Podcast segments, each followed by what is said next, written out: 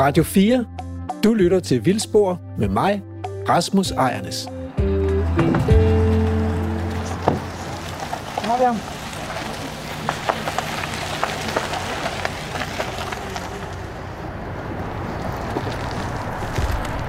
Hej, hej. Det var godt, vi fandt hinanden så. Hej, Der kan vi stå i længe.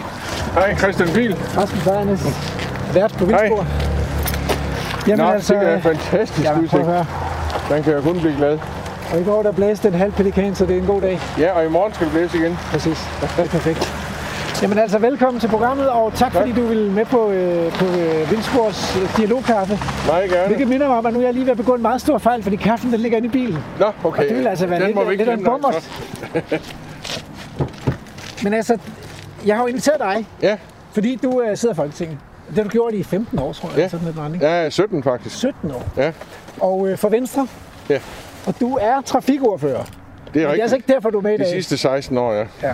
Det kan være, at vi kommer lige rundt om trafikken, fordi der er også noget med store dyr og trafik og sådan noget, men, Ja. men det er ikke det, der er hovedformålet her. Ja, Hovedformålet er jo, at du i øh, den senere tid har ytret dig om naturen. ja. Og det er ikke første gang, du er med i Vildspor, fordi jeg har nemlig lavet et interview med dig engang om Gudenåen. Ja, Så du har været med en gang før, altså. ja. Øh, men det skal det ikke handle om i dag. I dag skal det handle om, øh, om den vilde natur og regeringens vilde planer. Ja. Må jeg godt læse op, hvad du har skrevet om dem? Det må du meget gerne. Ja, Fordi, fordi det er jo fordi, du har skrevet om det her, at øh, jeg tænkte, det skal vi have en dialog for. ja. På din, øh, på din Facebook-side skriver du, jeg siger rungende nej til det ensidige koncept med oprettelse af 15 indhegnede statslige naturnationalparker med store græsne dyr, som regeringen vil gennemtrumfe med støtte fra andre partier. Jeg, og nu, men nu kommer der så en, en lille modifikation her. Jeg vil også have mere natur og Ja. styrke biodiversiteten. Ja. Men det skal ske med omtanke og i respekt for alle vigtige hensyn omkring vores statsskove. Herunder hensyn til friluftslivet og borgernes sikre adgang til skovene, hensyn til træproduktionen med stor betydning for klimaet og bæredygtigt byggeri med mere træ, hensyn til det eksisterende vildt, samt uden at der på nogen måde gås på kompromis med dyrs ved og vel. Der står nikker, så du kan godt genkende det. Du Det kan jeg sagtens. Det, det, det, er Jeg der ved det skrevet der. Det er klogt skrevet, synes jeg. Desuden skal de lokale brugere inddrages i planerne, og så slutter du af med sådan en, en, øh, en bandbulle her. Det er en ommer. Sæt på pause, så vi kan starte helt forfra, i stedet for at gennemtrumfe et omfattende eksperiment med vores natur, hen over hovedet på borgerne, og under tilsidesættelse af afgørende hensyn, der også er knæsat i skovloven. Ja. Det er da en, øh, det er et godt afsæt for en dialogkaffe. Det synes jeg da. Jeg glæder mig også meget til det. Og vi står lige her i skovbrynet, Ja. øh, med en fantastisk udsigt ud over Kale Slotsruin og Kale Vig. Det får ikke bedre, nej. Og øh, solen skinner. Ja. Det kan godt være, at den kommer til at gå ned om lidt, men, men den skinner. Og øh, jeg foreslår, at vi går ind i skoven. Ja, Fordi så er vi jo, øh, om Ja. jeg så må sige, på åstedet. Nemlig. Og øh, jeg skal også sige, at vi har holdt nogle dialogkaffer med... i- For to gange siden havde jeg en med en jæger om jagten og den vilde natur. Ja. Øhm, og formålet er jo ikke at blive enige. Nej, nej. Men at blive klogere. hinandens synspunkter. Ja, præcis. præcis. Øhm, og, øhm, og, og jeg kommer jo her som biolog. Og det vil sige, at jeg skal jo helst, hvad kan man sige, jeg skal helst vide noget om tingene, men jeg skal ikke træffe nogle beslutninger. Men du kommer jo som beslutningstager. Og du kommer med, jeg, jeg er jo en ud af 5,5 millioner mennesker, men du har faktisk et- nogle vælgere i ryggen jo. Ja, jeg skal stå til. du har ligesom et, ja. fået et mandat, et, poli- Ja. et demokratisk mandat som beslutningstager. ja. Og derfor så vil det jo også være sådan, at, øh, at jeg vil prøve at blive lidt klogere på, hvad er det for en situation at stå i som beslutningstager, og hvad er det så for nogle hensyn, du skal tage til, til dine vælgere. Ikke? Nemlig. Og så håber jeg, jeg kan gøre dig lidt klogere på Ja. lidt, lidt biologi på vejen. Det glæder mig til. Ja, det, Man kan altid blive klogere. jamen, det er så godt. Altså, jeg kunne godt tænke mig at starte med at spørge dig. Øh, det der med natur, hvor, hvor kommer din interesse for natur fra? Jamen, den har jeg altid haft, øh, helt fra barnsben. Jeg er så heldig at være født og opvokset tæt på Gudnåen øh, i Midtjylland. Ja. Vi har også masser af fantastiske skove i området. Øh, jeg bor nu og har gjort det i mange, mange år ved en landsby, det her Ans. Og øh, der har vi nogle dejlige skove, som jeg går meget i og cykler meget omkring øh, naturperlen Tange Sø. Øhm, så jeg interesserer mig meget for natur, og så har jeg været 24 år i forsvaret. Og det var jo også meget med natur at gøre, specielt de første år, hvor vi tog ud og lå i biorak og var meget i naturen. Ja. Det er nogle kilo siden, kan jeg afsløre. øh, men øh, men øh, jeg har altid interesseret mig meget for, for naturen og gør det øh, stadigvæk. Ja. Og, øh, og så pludselig, så kommer der nogle borgere til mig, jeg tror det var tilbage i oktober måned sidste år, og siger, at den er helt gal. Du bliver nødt til at komme ud til Kompedal Plantage.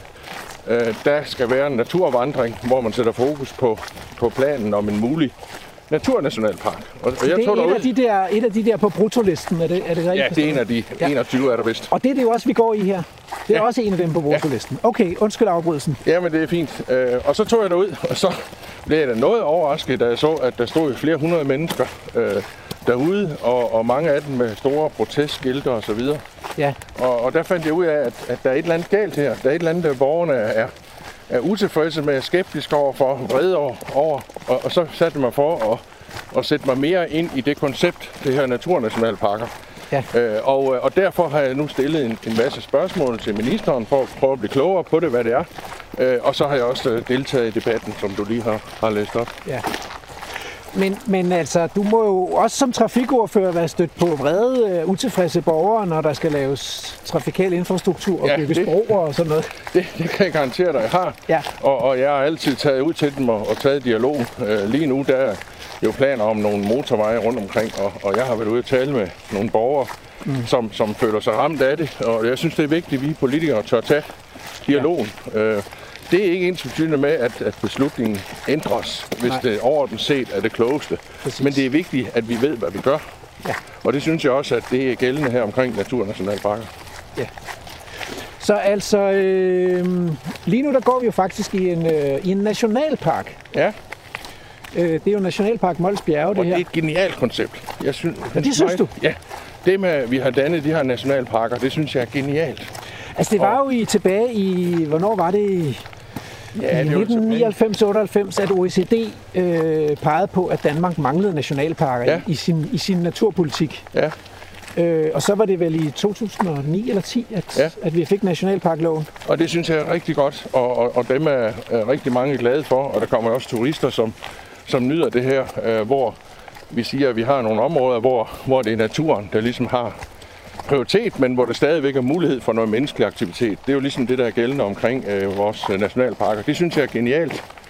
Jeg har jo lige været oppe i, i Thy tidligere i dag og mødt nogle borgere, som gerne vil have udvidet Thy Nationalpark. Men, men altså, nu, nu går vi jo her, og øh, du kan jo ikke lade være med så at, at, at, at pege på, at, at her er jo en dyb afvandingsgrøft, fordi ja. at, øh, der skal man have dyrket nogle græntræer her. Der ville have stået for meget vand, hvis, hvis ikke man havde fået det området afvandet lidt. Ja. Øh, og, øh, og så står vi også i en skov, hvor der som, som biolog, når jeg står og kigger ud over, der mangler nogle gamle træer. Altså. Sådan nogle, sådan nogle træer, de bliver jo utrolig store, hvis ja. de får lov til det. Ja. Men her der bliver træerne jo fældet, fordi at det er jo en produktionsskov. Så, øh, så de bliver fældet og kørt på savværket. Ej, de der, der går nok nogle år. Det er jo løvtræer, så man ikke de skal være 20-30 år ældre, inden de bliver fældet. Ja. Hvor må de der se ud til at være, være klar? De er hugstmodne. Ja, vil jeg sige. Men, øh, men så i samme øjeblik, man fælder dem, så fjerner man jo det der levested for, for biller og spætter og uler og flagermus og ja. svampe. Og... Så, så hvad er det, du tænker? Altså nu sagde du, at naturen i sådan en nationalpark fik første ret, og så, så var der også mulighed for friluftsliv, men jeg er lidt svært ved at se, at naturen egentlig har fået første ret her. Jamen, ja, der synes jeg jo, at man skal, ligesom der står i den gamle høstsang, riv marken let, fuglen og den fattige skal også være med der kan man godt, når man driver sådan noget skov her, så lave det, det her naturnære skovdrift, hvor man lader noget stå til bilerne. Og, og det er også det, jeg ser. Man gør mange steder. Jeg har lige været i Rold Skov på en, på en vandring. Der lader man faktisk nogle af træerne blive og, og ligge og rådne, netop af hensyn til bilerne og biodiversiteten. Det synes jeg er rigtig godt, og, og det skal vi sørge for. Og det indgår jo faktisk også i uddannelsen af de førere, der kører de her store skovmaskiner, man bruger i dag, at, at de, skal, de skal have blik for det der, og så lade nogle træer ligge en gang imellem. Og, og det synes jeg er meget vigtigt. Det er det her naturnære skovdrift. Der skal også være noget til bilerne. Ja, altså det er jo, det er jo en positiv tanke, tænker jeg. Og det, her, der ligger jo trods alt noget. Altså, ja. vi ser her, der ligger en stamme, som er ved at rådne og så videre. Der er der lidt mad og gnask i. Øh, Ja, det er der. Ja. Altså, vi har jo faktisk, øh, mine kolleger på øh, IGN, de måler jo skovressourcen. Og de måler også på, altså i sådan et overvågningsprogram, på hvor meget dødt ved, der ligger i danske skove. Ja. Og øh, mængden har faktisk været stigende. Langsomt stigende fra øh, 3-4 kubikmeter så op til i dag lige godt 6 kubikmeter dødt ved per hektar okay. i danske skove. Men vi skal højere op. Ja. Altså naturligt vil der jo sådan en frugtbar, frodig løvskov, som vi går i her, ligge 100-1.500 kubikmeter dødt ved, Ja, øh, hvis ikke den blev udnyttet til skovbrug. okay. Og øh, øh, mine forskerkolleger, sådan, der har kigget på det her internationalt, de siger sådan, at man skal i hvert fald op på en 10-15-20 kubikmeter, før man kan forvente at have de arter, der er knyttet til, til det her døde ved i skovene. Ja, Så der er altså et stykke vej op endnu, øh, for at man kan sige, at det er på det punkt bæredygtigt. Øhm, men, men tilbage til de der men natur... jeg synes, at vi skal sigte højere. Det, det tror jeg, vi er meget enige. Okay, Og, og det tror jeg sådan set også skovbruget er med på. ja, Der, hvor jeg stejler, det er der, hvor vi siger, jamen, vi skal virkelig begrænse vores træproduktion, fordi der støder vi ind i et andet vigtigt hensyn, nemlig klimahensyn, som vi formentlig kommer til at tale om senere. Men ja lad os uh, lige vi, vi har brug for det. mere Det skal vi. træ til Ja. vores byggerier blandt andet, Ja. og som CO2-støvsugere. Det synes jeg, øh, det, lige, altså, den synes jeg, vi skal, vi skal rundt om også. Men jeg kunne godt tænke mig at øh, lige blive ved de der nationalparker et øjeblik, fordi, ja. fordi du er glad for dem, men, øh, men øh, der er jo ikke rigtig noget, noget nat- altså naturbeskyttelse skrevet ind i nationalparkloven, så det er jo ikke sådan, at hvis vi nu går tager en anden skov, vi kunne have taget til Vosnes Pynt, der ligger en, en dejlig privat løvskov der. Ja. Så det er jo ikke sådan egentlig, at naturen er bedre beskyttet i nationalparken, end den er over uden for nationalparken. Jamen, øh, det, det synes jeg da, at vi skal se på. Altså, jeg har jo også i debatten tilkendegivet, jeg vil også have mere biodiversitet. Jeg vil også have mere natur. Jeg vil gerne have, at vi planter meget mere skov i Danmark. Men øh, det er det her koncept, man har valgt med naturnationalparker. Der synes jeg, man har fokuseret for ensidigt på et hensyn, nemlig det med biodiversitet. Jeg erkender, at vi har et problem. Vi har en udfordring. Det skal vi gøre noget ved. Men man har jo tilsidesat de andre hensyn. Og det er derfor, jeg siger, lad os nu forhandle og få en dialog om, hvordan kan vi styrke biodiversiteten, uden at sætte de andre hensyn over styr, og uden at lokalbefolkningen mange steder virkelig føler sig trådt under hovedet. Ja, her ligger jo nogle Det andre synes jeg er en hensyn. hånd. Ja, her ligger. Så på den ene side af vejen her, der ligger der noget, som... Men det det bliver helt- liggende, eller skal det på savværk? Tror du, tror du det er helt galt gættet, at det der, det er nok mest til flis? Altså det er toppe, Ja. trætoppe, som... Og der ligger lidt blade, og der er lidt grene, Men der er en hel del her. lidt ukurante og sådan noget. Så det går nok til biomasse. Og på den anden side af vejen, der ligger der så en stabel gavntræ. Altså det er, Det er i hvert fald til savn. det er savværket, ikke? Øh, det vil jeg også gætte på. Men der er det jo så, at man skal huske at lade noget ligge i skovbunden tilbage. Ja, men, men, øh, men er det der er meget imod, altså, at, øh, at man også nogle steder lader det hele ligge, altså at man trækker sig ud og, og siger, jamen øh, vi skal have nogle steder til produktion, landbrug, skovbrug og så videre, og så skal vi have nogle steder, hvor naturen får helt frit spil, altså uden at mig, det er mig ikke imod. Jeg synes også, at vi skal have urørt skov. Ja, Altså, øh, jeg var i sidste lørdag derude at se en såkaldt mosaikskov nede syd for Vejle, okay. hvor vi havde noget produktionsskov. Så var der et stykke helt urørt skov, Ja. og så var der det, der hed en klimaskov med meget hurtigt voksende træer, okay. som kan suge meget CO2. Det er jo poppeltræer. Så, så mosaikskov synes jeg er et spændende begreb, hvor man netop deler sol og vind lige, som jeg siger. Og der er også noget til biodiversiteten. Der er også urørt skov, så, så det synes jeg er fint, og, og det skal vi da have rundt omkring. Så den der idé med at, at, øh, at lave noget fysisk planlægning og beslutte sig for, at, øh, at her kan man have det ene, og her kan man have det andet, det er Ja, sådan og set ikke skovene, der kan vi jo politisk beslutte det. Ja. Er det privat skov, så skal vi selvfølgelig i dialog med, med skovejerne. Det er klart. Og der er jo mange private skovejere, der faktisk har gjort det af sig selv. Det der Ja. med urørt skov. Ja. Det var den her syd for Vejle i øvrigt. Ja. Altså det er jo super positivt, at der er nogle, øh, nogle private, der vil lege med og faktisk sige, jamen okay, det er herlighedsværdien, der betyder mest for os, så det kan vi godt tillade os, og det har vi råd til. Ja. Men De her øh, grøfter, nu vi ser her, ja, det er jo nogen, man har lavet i sin tid for at sænke vandstanden i skovbunden. helt sikkert. afvande. Det Er det ikke en del af dit koncept? De skal helst sløjfes, de grøfter, så vandet stiger. Jo, det vil være godt at få vandet tilbage igen. Og så hvad giver det, at vi gør det? levesteder.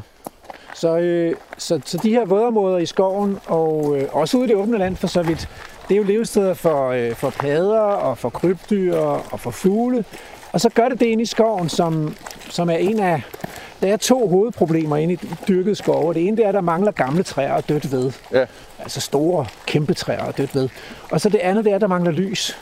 ja. Øhm, og det, den der mangel på lys, den kommer sig jo af fredskovsforordningen. Fordi i 1805, der var der sgu, der var sgu lidt for meget lys ind i de danske skove. Altså, de, Ja. var, de havde var været udnyttet til græsning, ikke? Ja. Øh, bøndernes græsning. Der var ikke mange træer. Så der var ikke så mange træer, der var langt imellem dem. Og måske var de også lidt for bredkronede. Der var, der var for få lange stammer, der kunne bruges til noget. Ja. Ikke? Så, så satte man... Øh, så fredskov betyder faktisk fred for græsne dyr. Så det er det ordet fred egentlig betyder øh, sprogligt. Okay, altså der lærte jeg noget nyt. Ja, Jeg har lært, at fredskov betyder, at hvis man fælder noget af det, så skal man plante mindst lige så meget et andet sted. Ja, så det er, det er en del af det, øh, det, det lovsæt, der er bygget op omkring øh, skovloven ja. Og fredskovforordning og sådan noget. Men, men selve ordet fredskov kom egentlig af, at man nu inddiger vi skovene, vi sætter et, et gære, og så må husdyrene blive ude i landbruget, og så ja. Er der så skovbrug inde i skovene. Og nu vil du gerne lukke husdyrene ind. Ja, det er nemlig det. Altså, øh, men det lige tilbage til det med lyset der. Ja. Så, altså, Det er jo øh, fint lys og luftigt. ja, nu er bøgen jo ikke sprunget ud endnu. Vi går her jo i, øh, i, i slutningen af januar måned, så der er meget lys. Men skovbunden har brug for lys. Ja, fordi, øh, fordi så kan der komme nogle skovbundsurter. Altså, der vil sikkert være et anemoneflor her, fordi anemonen springer jo ud og blomstrer, inden bøgen har lukket Ja. af for lyset. Men så er det til gengæld småt med planter og blomster resten af året. Og, øh, og der bliver mørkt og skygget herinde, og det er skidt for, for insekter, bier og sommerfugle og biller, som er varmeelskende. Ja. Og det er skidt for, øh, for de der øh, blomstrende urter, som jo er grundlaget for meget af skovens biodiversitet. Så der skal sollys ned til skovbunden. Ja, så faktisk, det er lidt overraskende for mange mennesker, at hvis man ser på de danske sommerfugle, hvordan det er gået med dem de sidste 100 år, så de fleste arter, der er uddøde fra Danmark, det var skovlevende arter. Ja. Så det var arter, der trivedes i øh, lysninger i skovene og sådan noget. Øhm, og og det, skoven er simpelthen blevet for mørke, så selvom vi har fået meget mere skov i de sidste 100 år øh, og 200 år, så har vi altså fået færre sommerfugle i skovene. Må jeg lige spørge dig som biolog? Ja. En urørt skov, Ja, kommer der da mere lys ned til bunden? Fordi det synes jeg, der er delt af mening om i debatten. Altså, Ja. der er jo lavet det der skovforsøg over på Sjælland, Sydsjælland. Suserup. Ja, hvor man plantede øh, nogle skove i var det 1938. Og så er der noget af det, der er helt urørt, og noget Nå, af det, det der, brugt. øh, okay, ja, det Og er der noget kan man sammenligne. Og, og der påstås det jo, at øh, den urørte skov, det er faktisk den, der ser dårligst ud, og hvor der kommer mindst, mindst lys ned. Den er Ja. mere mørk. Ja, og det er jo fordi, altså, det er nok et lidt, jeg tror, det er et lidt broget billede, alt efter hvor man kigger hen. Øh, og også afhængig af, hvor frodig Ja, skovbunden jeg tror, er. det er. Københavns Universitet, der har fulgt det forsøg Ja. siden 1938. Ja, så man har jo faktisk nogle, sådan nogle selvgroede skove på, øh, på, på sådan mere sandbund, tørbund, ja. som er ret lyseåbne. Øh, og det kan man også få, hvis der er vand i skoven. Men det er rigtigt, at hvis man har en frodig jordbund, i Øst-Danmark for eksempel, det kunne ja. Godt være her, Ja. og man så øh, siger, nu, pil, nu piller vi nallerne, nu lader vi bare tingene gå sin gang. Der har vi så en tuja her. Ja, der Ja. ligger også nogle gode stammer Der derinde. ligger noget derinde, ja, på birk. Så, øh, så vil skoven jo blive meget mørk, fordi at øh, træerne vokser hurtigt, og det vil være skyggetræer, øh, bøg eller ærhorn, der vokser op, og, øh, og de lukker effektivt af for lyset. Ja. Så, øh, så urørt skov har faktisk den udfordring, at de kan godt blive meget mørke. Øh, Ja. Men kan man ikke lave en driftsform, så man tager højde for det, så vi både får fordelene ved den urørte skov, og så har noget produktion med træ? Det er jo i hvert fald det, jeg fornemmer, man forsøger op ved Rold skov. Jo, altså, øh, øh, jeg har en kollega i øh, Jakob Heilmann Clausen, som har skrevet sådan en bog om, hvordan man kan tage naturhensyn i driften. Og ja. Ja. der kan et af de naturhensyn, det kan godt være, at, at man giver plads til, at der kan være nogle lysninger i skoven. Ja, præcis. Øh, og, øh, og det kan man jo gøre, hvis man går ind og laver hugstindgreb. Ja. At man så får lys ind i skoven. Men, men øh, den måde, det er sket på i et naturligt økosystem, det er jo de græsne dyr. Det er jo dem, man øh, sparkede ud af skoven. Altså, det hedder jo Kalø Hestehave, det vi går i her. Ja, Det er selvfølgelig, fordi der er gået hester hen engang. Ja. altså, øhm, og det var så øh, landmanden, der havde svært ved at fodre på alle sine dyr om vinteren. Det var nok malke, malkekonen, der fik vinterfodret, ikke? og så måtte trækhesten, den måtte så ud og finde sin egen mad ude i landskabet. ja. Så man sparkede dyrene ud i, i skovene og hederne om vinteren, og så kunne de gå derud og se, hvad de kunne finde. Så fangede man dem ind om foråret, når man skulle have pløjet sine ager. Øh, og de der dyr, altså, det er dem, der mangler i, øh, i vores dages skove, øh, hvis man ser det fra naturens perspektiv.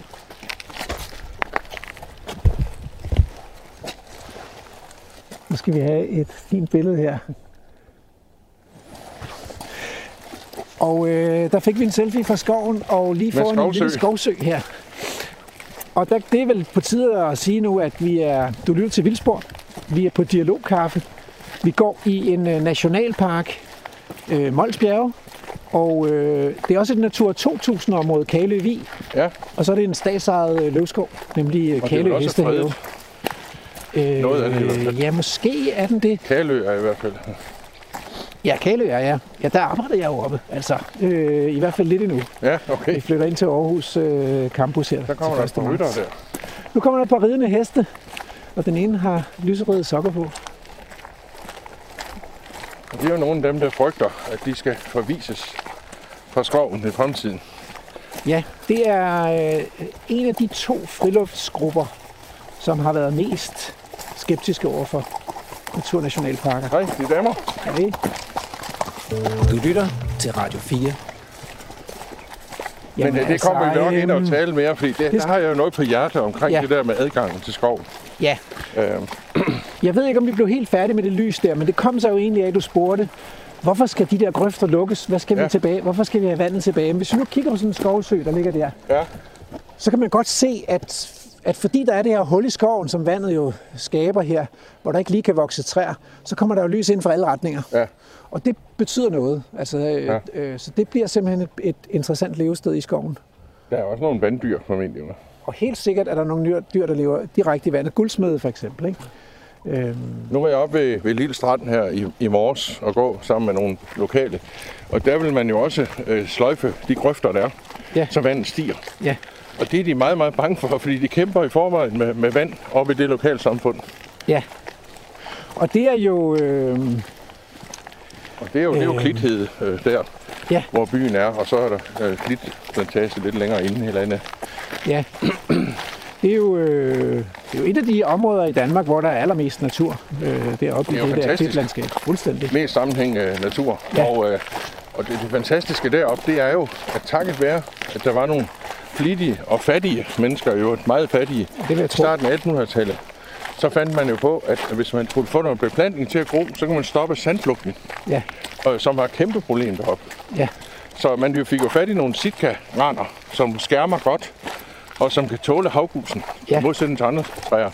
Og bag dem kunne så gro noget skov. Og Ja. det synes de var meget positivt og en vigtig del af vores historie, som man egentlig ikke rigtig respekterer i dag, fordi der er nogen, der taler om at udrydde sitka ja. Hvorfor skal de udryddes? Det minder jo sådan lidt om biologisk racisme, eller hvad kan man kalde det? Og, og øh, jeg, det blev måske lidt hurtigt, men vi har jo den her dialogkaffe øh, her i Kæle Hestehave. Og med mig i skoven i dag til dialogkaffe, der har jeg Christian Pil Lorentzen, som er trafikordfører for Venstre, men også altså i den senere tid højlydt øh, politisk aktiv omkring naturnationalparker og urørt skov. Ja. Øhm, og vi skal se, om vi kan finde en eller anden form for fælles forståelse af en måde at beskrive verden på, og, øh, og finde ud af, hvorfor, hvorfor siger Christian, hvorfor skriver han det, han gør? Øhm, og hvorfor siger vi biologer de der ting? Hvorfor, hvorfor er vi så ekstremistiske? Så det skal vi se, om vi kan nå frem til. Nu kommer vi til Tyros. Tyros lille hytte her. Tyrehytten. Der har simpelthen boet en dame der. Det har der garanteret en gang. Eller også så har det været sådan en... Det er også muligt, at det var den adelsfamilie, der havde Kæle Gods, som har bygget den som sådan en jagthytte. Det tror ja. Ja. jeg måske næsten. Ja, vi kunne godt gå, gå ned langs godt. med kysten, altså. Det er ikke helt Det er tosset. strandingen. Der er både noget stranding og noget kystskov.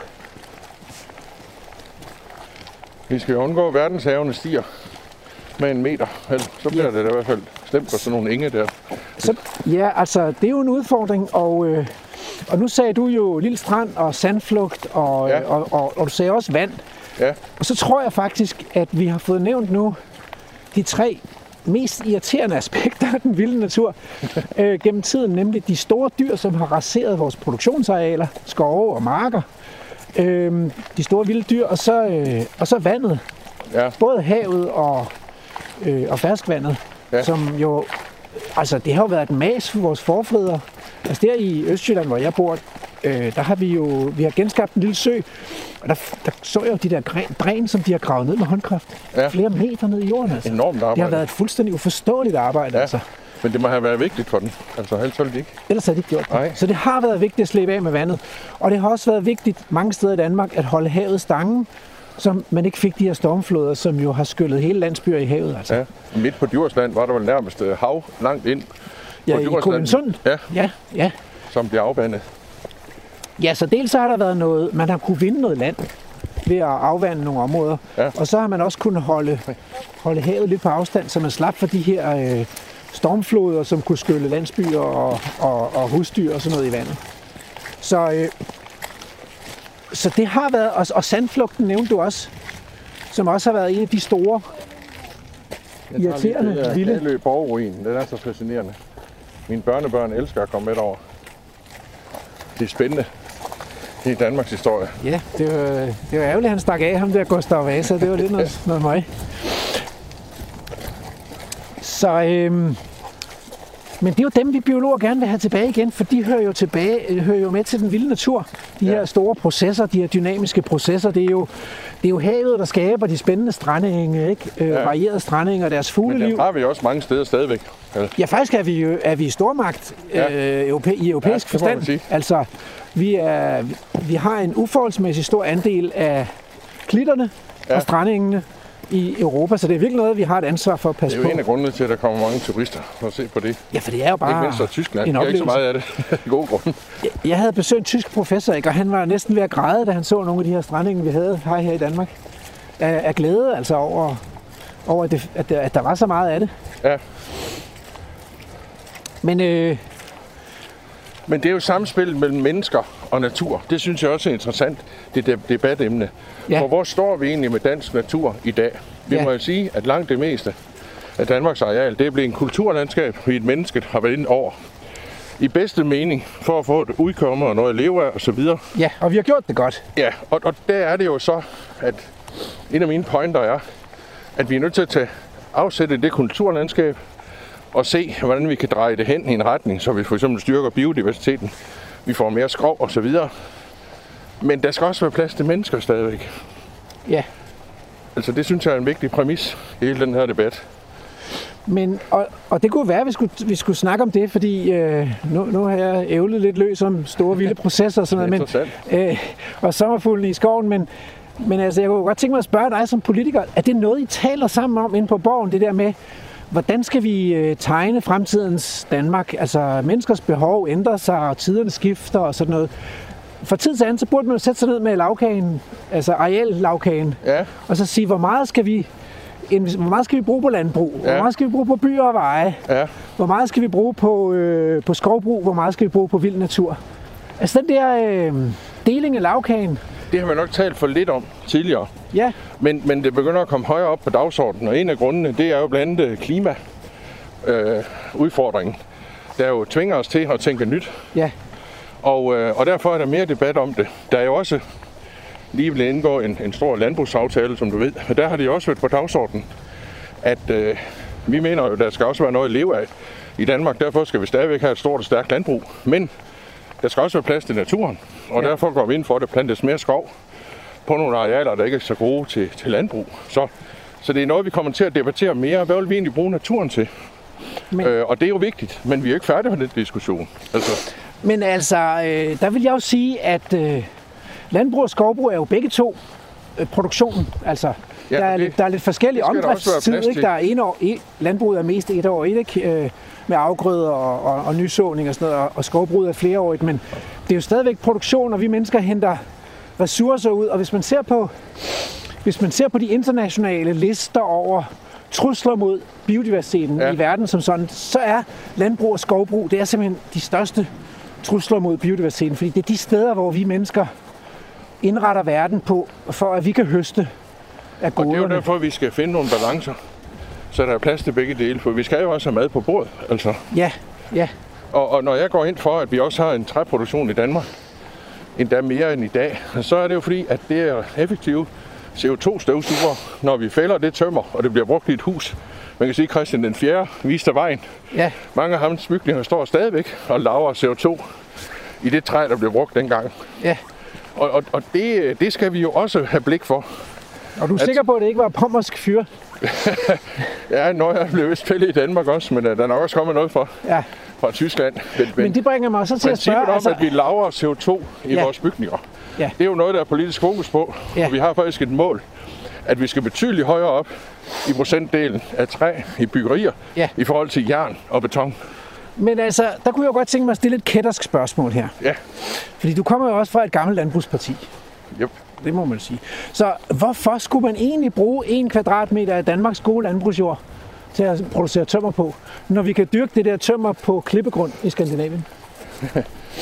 Fordi at, øh, jeg synes, det er vigtigt, at vi også har en træproduktion her i Danmark. Altså, Men hvorfor? Vi har, vi har en skovsektor, som trods alt er med til at generere nogle arbejdspladser. Og hvis vi importerer træet langvejs fra, hvad man jo gør i stor omfang med flis for eksempel, Ja, det må man det er sige. ikke særlig Det er ikke så CO2-venligt. godt. Det er jo ikke smart at sejle træ Nej, af halvdelen af jordkloden rundt. men vi har jo ikke så meget træ i Danmark, at vi, kan, vi kan selv kan Og lave hvor det. meget træ har svenskerne egentlig, når det kommer til stykket? Altså, har de nok? Ja, Så jeg synes jo, jeg kan godt lide ideen om, at vi bliver ikke selvforsynende med træ i Danmark. Men vi kunne godt komme lidt højere op i forsyningsgraden. ja når, du siger, Samtidig med, at vi kan styrke biodiversiteten. Jeg tror, at vi kan nå begge mål. når du siger selvforsyning, så kommer jeg lidt til at tænke på sådan noget sovjet, sovjetisk planøkonomi. Ja, Altså- det er der på slut, ikke? Ja, altså, Ja, fordi, der, der har vi et problem med energi lige i øjeblikket. eller en udfordring, må vi se i lommen af Rusland, men det er noget helt andet. ja, det er rigtigt. Det er Ja. ikke så godt. Men, men øh, når det gælder træ, er det altså godt, at vi har en skovproduktion også i Danmark. Altså, men det skal jo forenes med de andre hensyn.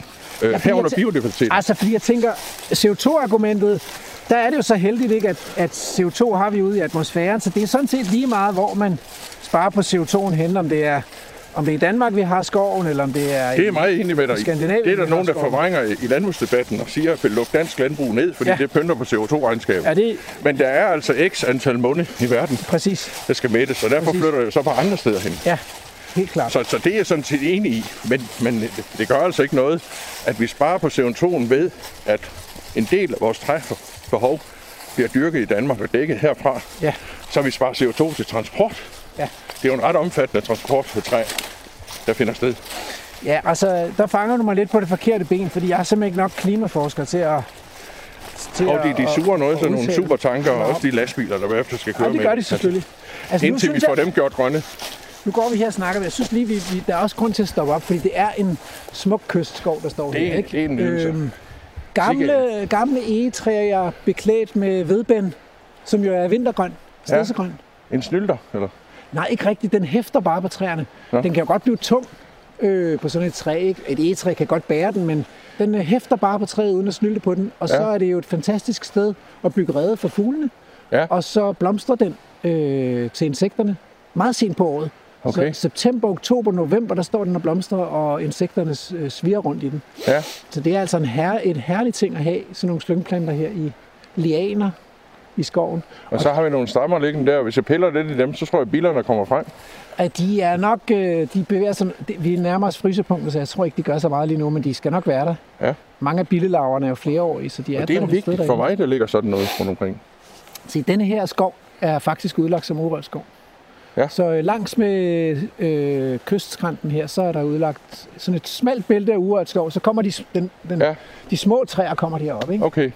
Og der kan man jo se, hvordan, synes jeg, noget af det fascinerende med træerne, når de bliver gamle, det er, at så begynder de at, at skrænte, ikke? Den der gren der på egetræet er Ja. ud, og er egentlig død, Og falder af og på et på et tidspunkt falder den af, og så kommer der måske en hulhed, øh, som den der, der er knækket, ikke? Så, kommer der, så vokser der måske svampe ind i træet, og så opstår der en hulhed inde i stammen. Ja, Men det kan stadigvæk godt gå 100 eller 200 år, før træet dør. Det bliver bare ved, og ikke? det synes jeg er fremragende, at vi har det nogle steder. Altså, Ja. men vi skal bare have fundet den rigtige balance. Det er nemlig det. Du lytter til Radio 4. Nå, men altså, altså egentlig, det, jeg synes, det er okay nemt at Det er snakke med dig. sort. Jeg havde Der er ikke noget, der er sort-hvid. Nej, men øh, jeg havde frygtet, at vi sådan ville være uenige om Nej, alting. Men Nej, nej, nej, nej, nej, nej, nej. se Jeg, nu jeg her. ved godt, at, at folk i debatten, øh, de har skudt mig de værste ting i skoene. For eksempel var det en, der skrev, at Christian Pihl er jo vanvittig, fordi Ja. ja. han påstår, at biodiversiteten er truet af mobiltelefoner og GPS'er Ja. ude i skoven. Ja. Og det har jeg aldrig nogensinde sagt eller skrevet. Det Så, så det er jo det sjove ved sådan en debat, der kommer de mærkeligste ting op på de sociale medier. Det, det kender jeg godt. Det Man bliver skudt noget i skoene. Og så er der tusind mennesker, der skriver, hvad- ja, at han er da vanvittig, indtil man så får det dementeret. Den, de her vi grundblade, her? ja, det vil jeg bare vise, ikke? det er jo blå anemoner. Så det var ikke, altså i marts måned, der springer de ud, så står der pludselig blå anemoner. Ja, de er tidligt fremme. Grundbladene, De- de har så er vild vinter. Jamen, de er vintergrønne. Så der er jo nogle af de her, øh, nogle af de vilde, vilde planter, de er nøjsomhedsplanter, og det betyder, at de, at når de først har fået nogle ressourcer ud af økosystemet, Ja. så sparer de på dem ved blandt andet at være grønne hele året rundt. De kan ikke Okay. tåle ligesom at visne. De har ikke ressourcer nok til at, at kaste det bort.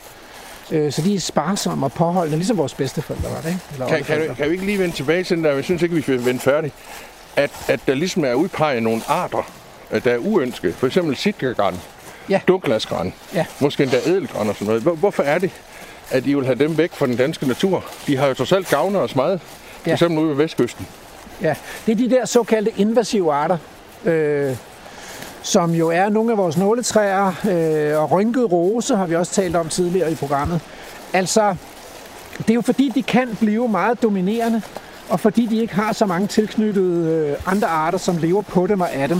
Ja. Så de har ikke den samme værdi for resten af økosystemet, som et bøgetræ eller et egetræ har.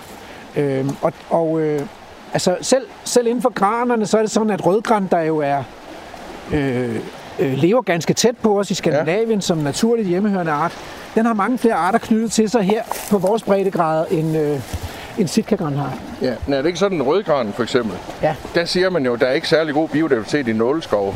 Ja. Men som jeg kan se som lægmand, Så kan så godt. giver de jo god læ og ly om vinteren, hvor, hvor løvtræerne jo er nøgne. Ja, og, det, og der er altså også øh, en del arter af insekter, svampe og fugle knyttet til rødgran. Så Ja. det er ikke så tosset. Så Altså. de er ikke dømt ud. Ikke, ikke i min bog. Nej, det var godt. Det, jeg Øh, synes, at der er nogen, der gør sådan Ja. delvist. Og skovfyr regner vi jo som et hjemmehørende træ i Danmark også. Ja. Et, et smukt nåletræ også. Så, så der er nogle af de der nåletræer. Så har vi selvfølgelig enebær og taks, som også er hjemmehørende nåletræer. Men sker der noget ved, at de sitkagraner, jeg så op ved Tranum, Klitplantage for eksempel, der er sådan en bræmme, Ja. at de bliver stående. Det, det skærmer jo den, anden- den øvrige skov, der er deroppe på voksne. Ja, og, og på den... Vil du hellere have klithed der? Altså, Ej, det, det tror jeg heller, jeg vil have. Men, men det, er et, det er et åbent spørgsmål, hvordan man skal... Fordi man kan jo ikke gå tilbage i tiden. Nej. Man kan jo altid kun gå fremad. Så det er et åbent spørgsmål, om hvordan kommer vi den bedste vej fremad? Ja. Og nogle gange, så skal man sige, så, så, så lader vi det bare være, som det er. Ja. Og så lader vi det stå. Og nogle gange skal man sige, at der er altså brug for, glade for at høre, tror jeg. der er brug for at lave noget genopretning her. Vi, vi, vi skal, fordi ellers det kommer ikke tilbage af sig selv. Og så må man lave noget genopretning. Og det kan fx være at lukke grøfter. Ja. Øh, eller sætte de store dyr ud. Men det er jo der, det undrer mig, så kommer det her rewilding, Ja. øh, som meget massivt i, i den her plan. Altså, rewilding kunne man jo godt lave nogle steder med dyr, forudsat at de ikke sulter, fordi det er vel ikke grædebøre i dyreværnsloven. Men, men jeg kan forstå, jeg vil se lidt, hvad du har sagt om rewilding. Det, det er jo godt ud stærkt ind for, og du er heller ikke bange for, at dyr dør af sult, ud fra den forudsætning. De dør alligevel. Ja. Kan du ikke lige forklare lidt mere? Fordi det tror jeg provokerer mange. Jo. I hvert fald mig. Og nu er vi kommet ned til havet, Ja. og det, er- det er et godt sted. Og jeg er glad for, at du stiller de der spørgsmål, fordi vi skal, vi skal også nogle af de der steder, vi hvor, det, ting, ja, ja. hvor det, der er lidt friktion og, Ja, og sådan lidt. Øhm, jo, altså de store dyr, grunden til, at vi skal have dem, lad os starte med det, det er jo selvfølgelig, at de, at de altid har været her.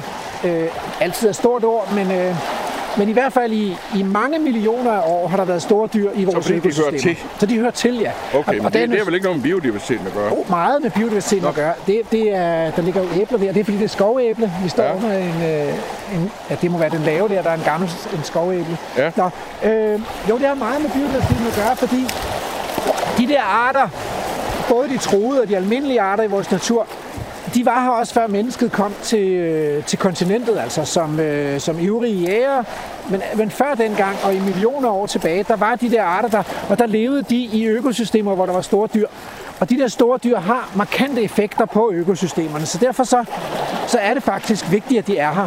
Og vi bruger jo i dag øh, i Danmark 250 millioner kroner om året på at betale landmænd for at sætte deres græsne husdyr ud, Ja. for at, at gøre det, som de der store dyr nu gør, altså skaber variation og lysåbne levesteder, enge, overdrev, moser, strandenge osv.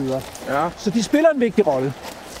Øh, og når vi så kommer til rewilding, så er så ideen altså, det er, at, øh, at når vi nu taler om, om, om vilde naturområder, naturlige økosystemer, hvorfor så ikke øh, slippe dyrene fri? Hvorfor skal der være en... Hvorfor skal dyrene egentlig passes af en landmand, som måske ikke engang, hvor det ikke engang giver mening at have vildt levende dyr, fordi mange landmænd, de har dyrene inde i stallen og, og producerer med dem, ikke? Men Mælk er eller... over i et, et syn på dyr mere end forskning. Altså en holdning til, at dyrene bør være fri. Ikke sandt? Øh, ups. øh, ja, nej, der er også noget substans i det. Det er ikke kun, øh, det er ikke kun et syn på det. det. Man kan sige, jeg har også det dyrevelfærdssyn, at jeg under dyrene friheden. Jeg synes, det er så fascinerende at opleve dyr, som har naturlig flokadfærd, og, og som øh, parer sig, og som yngler, ja. som har yngelpleje, som, øh, øh, som selv laver deres fødesøgning ude i naturen, selv vælger, hvad de vil æde. Og så jeg synes, det er, det, det gør mit hjerte, det gør mig varm om hjertet at se det der. Det er du enig med Rune Hengelbræk. Ja, det kan, det kan godt være, jeg er det. Øh, det er men, også men, argument, kan jeg se. Men... men der er også et, et, sub, altså sådan et øh, objektivt øh, biologfagligt argument, ja. som går på, at, at når dyrene går derude i, øh, øh, i den vilde natur, så øh, gør de noget andet, end hvis de laver naturpleje. Så når de lever vildt, så, så tilpasser bestanden af dyr sig til den mad, mængde mad, der er i økosystemet. Ja. Men det går ikke, man kan ikke have flere dyr, end der er, for så, for så er der ikke mad nok. Jo. Det, det, det er jo ikke bæredygtigt. Og det betyder, at, at om sommeren, så kan dyrene slet ikke følge med. Så bliver der en frodig plantevækst og en mægtig blomstring til glæde for vilde bier og sommerfugle og, og alt det liv, der er. Godt hul. Og så, så bygger de hul op, og når vi så kommer hen i øh, december, januar, så begynder de at smide kiloene igen. Men, men de er stadigvæk derude i økosystemet. Det betyder, at der begynder de at æde lysesiv, og de begynder at æde bark og kviste og knopper, og de begynder at æde noget af det visne græs, og måske også noget, noget af det græs, der smagte mindre godt og sådan noget. Ja, det er godt på biodiversitet. Ja, fordi ellers ville det ikke blive spist. Øh, og så får man den her enorme tilgroning øh, af vores økosystemer, og vi får sådan en, en, en stærk dominans af de der planter, der ikke smager særlig godt, og som aldrig bliver spist om sommeren. Hvad med de vilde dyr? Spiser de ikke noget af det her? Jo. Vi har en stor kronhjortebestand, for eksempel. Mm, ja, øh, så, så de vilde dyr gør jo det samme, som hvis man forvilder, altså hvis du forvilder heste og kvæg, og så siger, ved hvad, nu, drenge, nu må I passe jer selv, nu bliver I ikke fodret, øh, så bliver de jo også vilde i deres adfærd, ligesom krondyrene og dårdyrene og rådyrene gør. Ja. Øh, så de gør i princippet fuldstændig det samme. Men, men sagen er jo den, at vi kun har 2-8 kilo hjortevildt per hektar i det danske kulturlandskab. Ja. Og det er der jo en grund til. Den kender du garanteret godt, men det er jo fordi, at hvis vi havde flere, så ville det blive ubærligt. Ja, så døde det sygdom. Nej, nej, nej, nej, markskaderne for saten da. Det, altså, øh, rådyrene er nok cirka så mange, som de kan blive. Ja, det tror jeg. Men de går bare og nipper. Ja. Og de, har, og de bliver blandt andet reguleret af sygdom, som du siger, ikke? Øh, om vinteren, og, og, og i perioder, så er der, så er der øh, rådyrsyge. Men krondyr og dårdyr, hvis du øh, holder op med at jage dem, skyde dem altså med jagttid, i 10 år, så vil bestanden blive 10-20 dobbelt. Jeg har jo set enorme mængder krondyr i min livstid nede i Oksbøl Ja. øh, skydeterræn, Ja, hvor jeg har kørt meget på øvelse før i tiden. Der, Ja. der er jo hundredvis. præcis. Så, men selvom du har en stor flok, hvis du tager og, og lægger deres kilo sammen og dividerer med antallet af hektar i det landskab, hvor de fouragerer, så kommer du til, at der er under 10 kilo per hektar. Så der er føderigelighed. Ja, og er du sindssyg. Ja. Men, men det betyder også, at de har ikke den økosystemeffekt. Så det, der er, det, der er mad til i det danske landskab, det er, det er 100-200 kilo per hektar Ja. dyr. Så altså 10-20 gange så mange, som der er af det der hjortevildt. Så de gør sådan set det rigtige hjortevildet, ja. men der er slet ikke nok af dem. Nu forstår jeg dit rationale bag det der. Men så er det jo, hvis jeg lige må få lejlighed til det, Ja da, komme med nogle politiske betragtninger. For jeg er jo ikke forsker. præcis. Og der synes jeg jo sådan rent politisk, at det at bruge dyr som et middel Ja, til at fremme biodiversitet ja, og lukke dem inde bag hegn, det er jo ikke at slippe dem fri i min verden, fordi der er fødeknaphed om vinteren, og de kan ikke søge føde. ja, Øh, og da, da, da, det provokerer mig, ja. at man bruger dyr som et middel til at opnå et mål. Og der må vi kunne finde nogle andre veje, der er knap så ekstreme, synes jeg. Jeg er åben over for forslag. Altså, udfordringen er jo, at hvis vi, hvis vi vil slippe de der dyr fri til at blive så mange, som, som der er mad til i økosystemet. Øh, altså, og det vil de jo gøre naturligt. Altså, sådan er, det er sådan en naturens grundlov, at, at hvis dyr har det godt, så formerer de sig, og så bliver vokser Ja, bestanden. sådan er det. Så på et eller andet tidspunkt, så skal der være et eller andet, der sætter en grænse for det. Og det gælder også for zebra og gnuer på Serengeti. Øhm, Der er også nogle naturlige fjender dernede. Ja, det er der, men, øh, men der er stadigvæk mange af de store dyr, som dør af sult og tørst i tørketiden. Så, så det er ikke nogen garanti. Det, der sker jo med, med de store rovdyr, det er, at de tager jo gerne, de tager jo gerne de unge, de unge dyr, altså de nyfødte dyr, og i Ja. ja. Danmark vil de så tage, tage kalvene og følgende, følgende. Det er jo ikke, fordi det er, giver nogen stor dyrevelfærd at blive flænset, flænset af en ulv. Men, altså. men igen, den der, jeg, jeg forstår ikke holdningen om, altså Mols Laboratoriet, der var jo nogle forfærdelige billeder vinteren 1920, som gav stor politisk bevågenhed, ministeren i samråd og så videre. Og det er jo fordi, at vi vil ikke se dyr lide og sulte på den måde. Og det synes jeg er en del af rewilding-konceptet. Det er ligesom, man forudsætter, det er i orden, at de bliver ret magre, som man kan se i ribbenene. Måske endda dør, uden at vi giver dem hø eller fodrer den. Og det, det tror jeg støder rigtig mange i den her debat. Altså... Altså- Og en af grundene til, at en naturnationalpark-konceptet møder modstand. Udover at de her dyr har en anden pris ved det, det er jo, at øh, mange vil være bange for at færdes i de her indhegnede skove.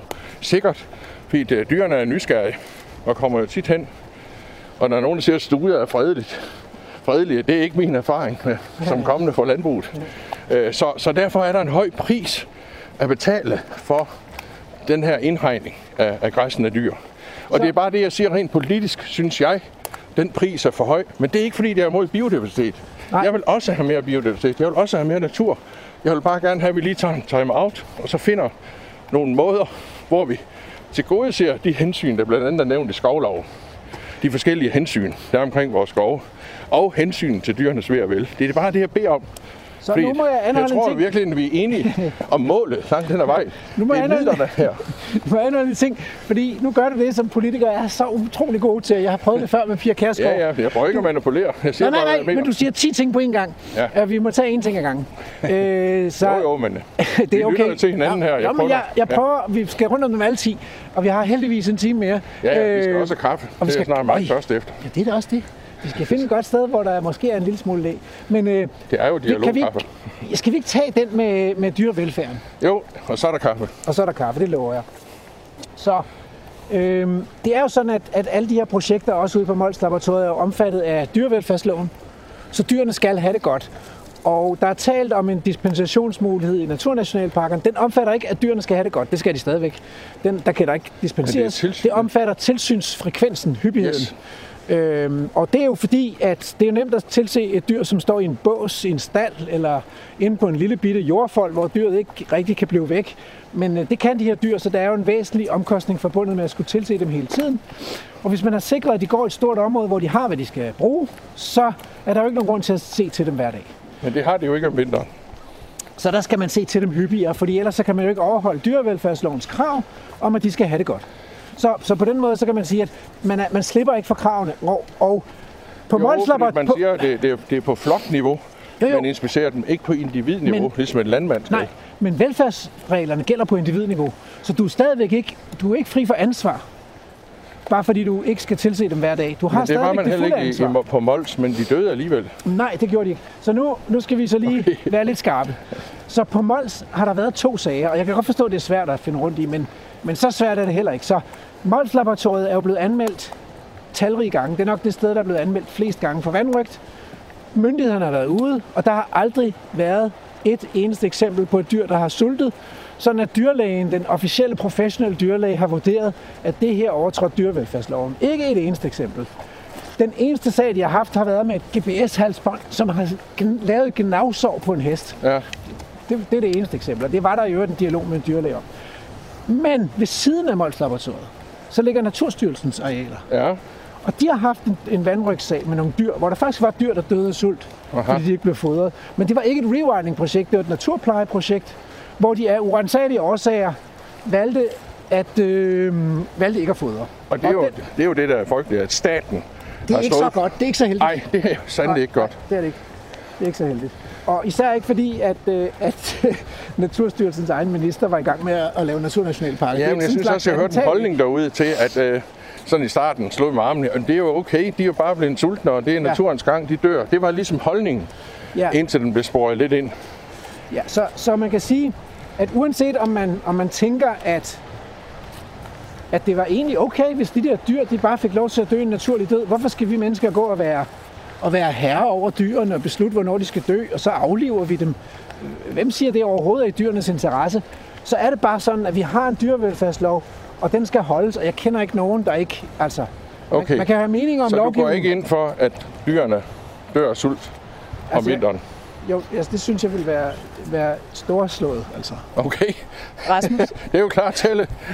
et meget kedeligt tidspunkt at afbryde samtalen. Men det er også et godt tidspunkt, fordi, fordi, øh, fordi så er der sådan en teaser, ikke? Så nu kommer der nyheder. Ja. Og, øh, og, og, vi har den der med, at jeg synes, det vil være okay at lade dyrene dø Ja, så er vi, så er det det er nødt til lige at... til anden halvleg. Ja, præcis, ikke?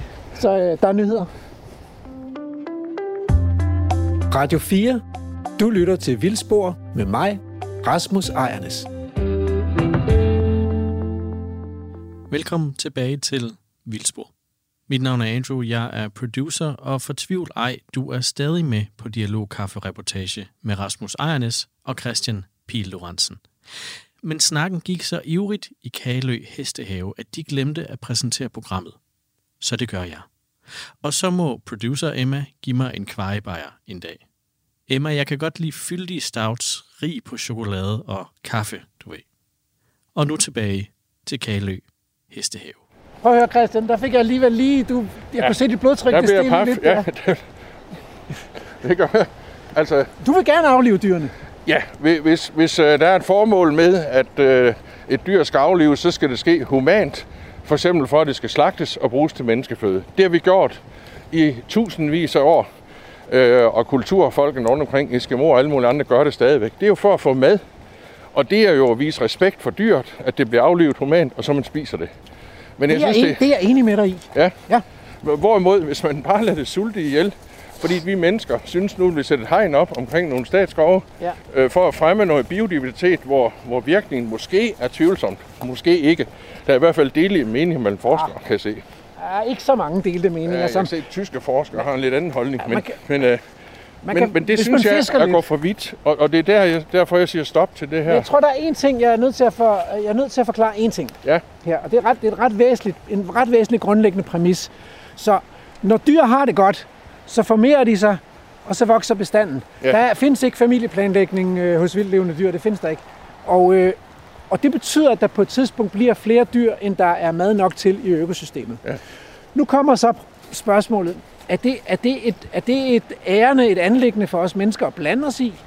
Eller kan vi godt lade naturen gå sin gang? Så det er ligesom der, den står altså. Men vi har jo blandet os i ved at Nå, for- indhegne et bestemt det- areal, men og har- dermed har du jo også matematisk lavet nogle nøgterne kalkyler af, hvor mange dyr kan, kan leve her og overleve, sådan lige med nør og næppe.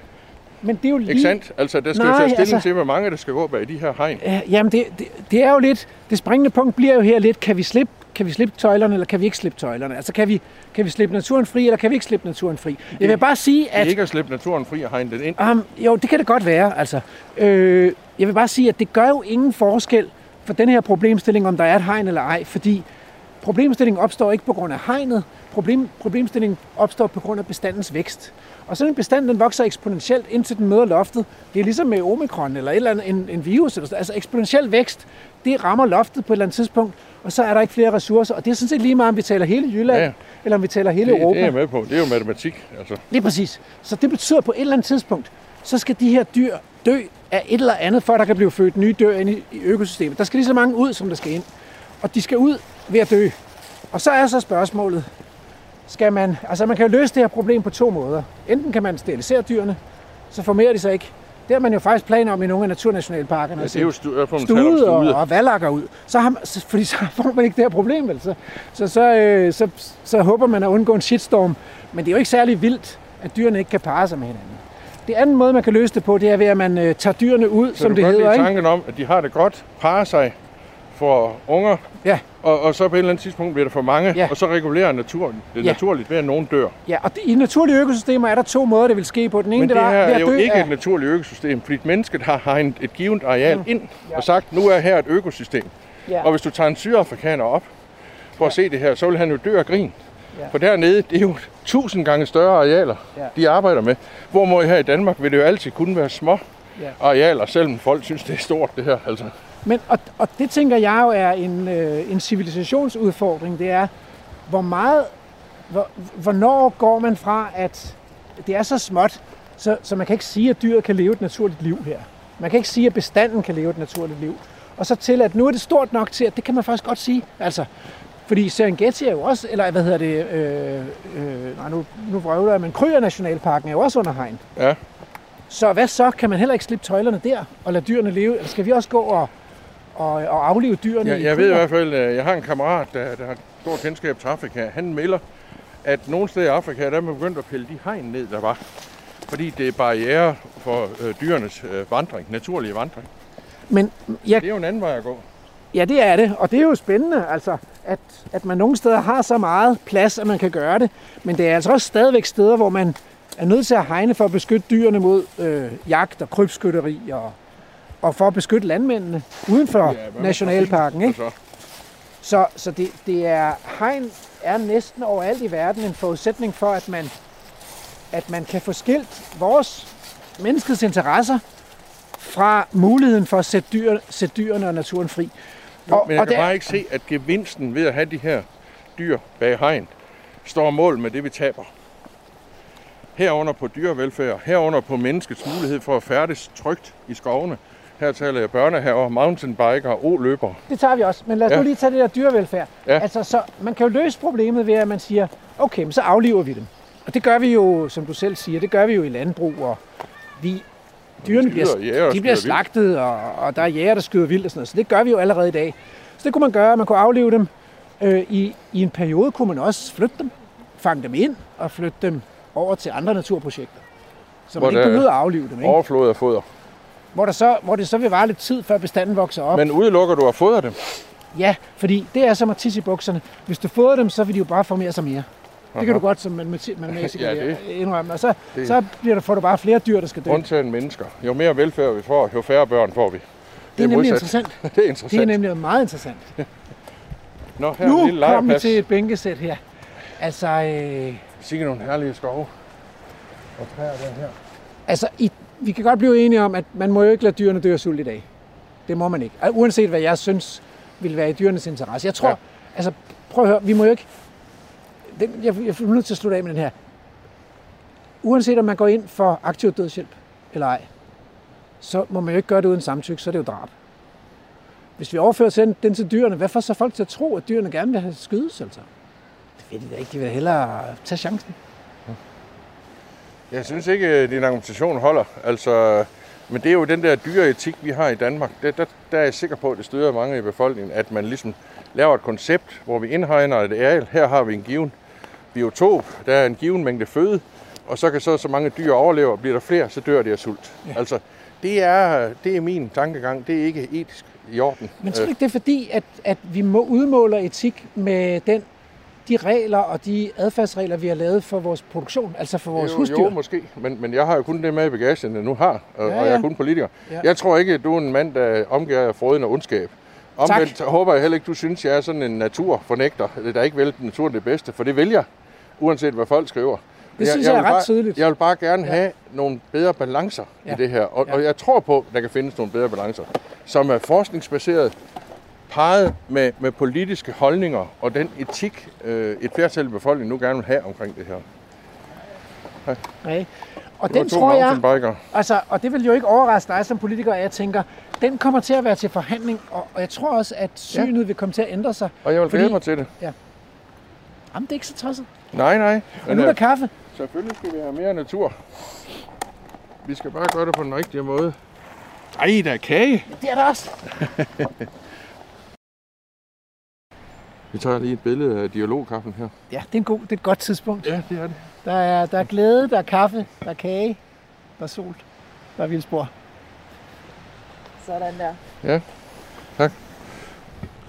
Nej, men, men det er jo sådan lidt, man kan sige paradoxalt. Jeg som transportordfører, mister asfalt og jernbanenørd, er jeg jo også skrevet en bog om jernbaner, jeg, havne og alt det der, jeg arbejder med. Pludselig kaster mig over en naturdebat. Det er fordi, jeg synes, det er spændende, og jeg synes, det er vigtigt. Altså, ved du At godt, vi er flere, der forholder os til naturen. Jeg, jeg savner nogle flere, der forholder sig til Ved du naturen. godt, at du er lidt en legende blandt, øh, blandt øh, natur øh, Taliban-biologer? Nej, Ja, fordi at du jo øh, under din øh, valgkampagne i 2019, der lejede du jo et damplokomotiv, og så antændte du faktisk 10 naturbrænde. og det var godt for naturen. Det er rigtig godt for naturen! Men det var utilsigtet, kan jeg sige. Så Men, bare- men det har jeg, ja, jeg fik ros fra nogle biologer, det er rigtigt. Øh, der var så andre, der ikke var imponeret. Men øh, heldigvis havde jeg tilladelserne i orden. Der var bare ingen knistfanger på lokomotivet. det var en fantastisk Ej, det var historie. sjovt. Ja. Der blev jo lavet sådan en, en tegning, hvor jeg stod inde midt i flammerne på Notre Dame med mit tog. Der jeg kørte rundt på de sociale medier. Altså Rasmus, måske for os, der ikke lige kender, hvad er talibanbiologer? Altså hvad mener du med Nå, det? det tror jeg, det er sådan, en, det er sådan en, øh, et øgenavn, vi har fået, fordi at der er nogen, der tænker, at vi er meget sådan ekstremistiske, ikke? Ja. Øh, og siger meget ekstremistiske ting. Og jeg, jeg er glad for, at, at, øh, at vi kan have den her samtale, uden at Christian tænker, at jeg er ond. Han kan tænke, hvordan kan du sige det der? Ikke? Og stille mig spørgsmålet.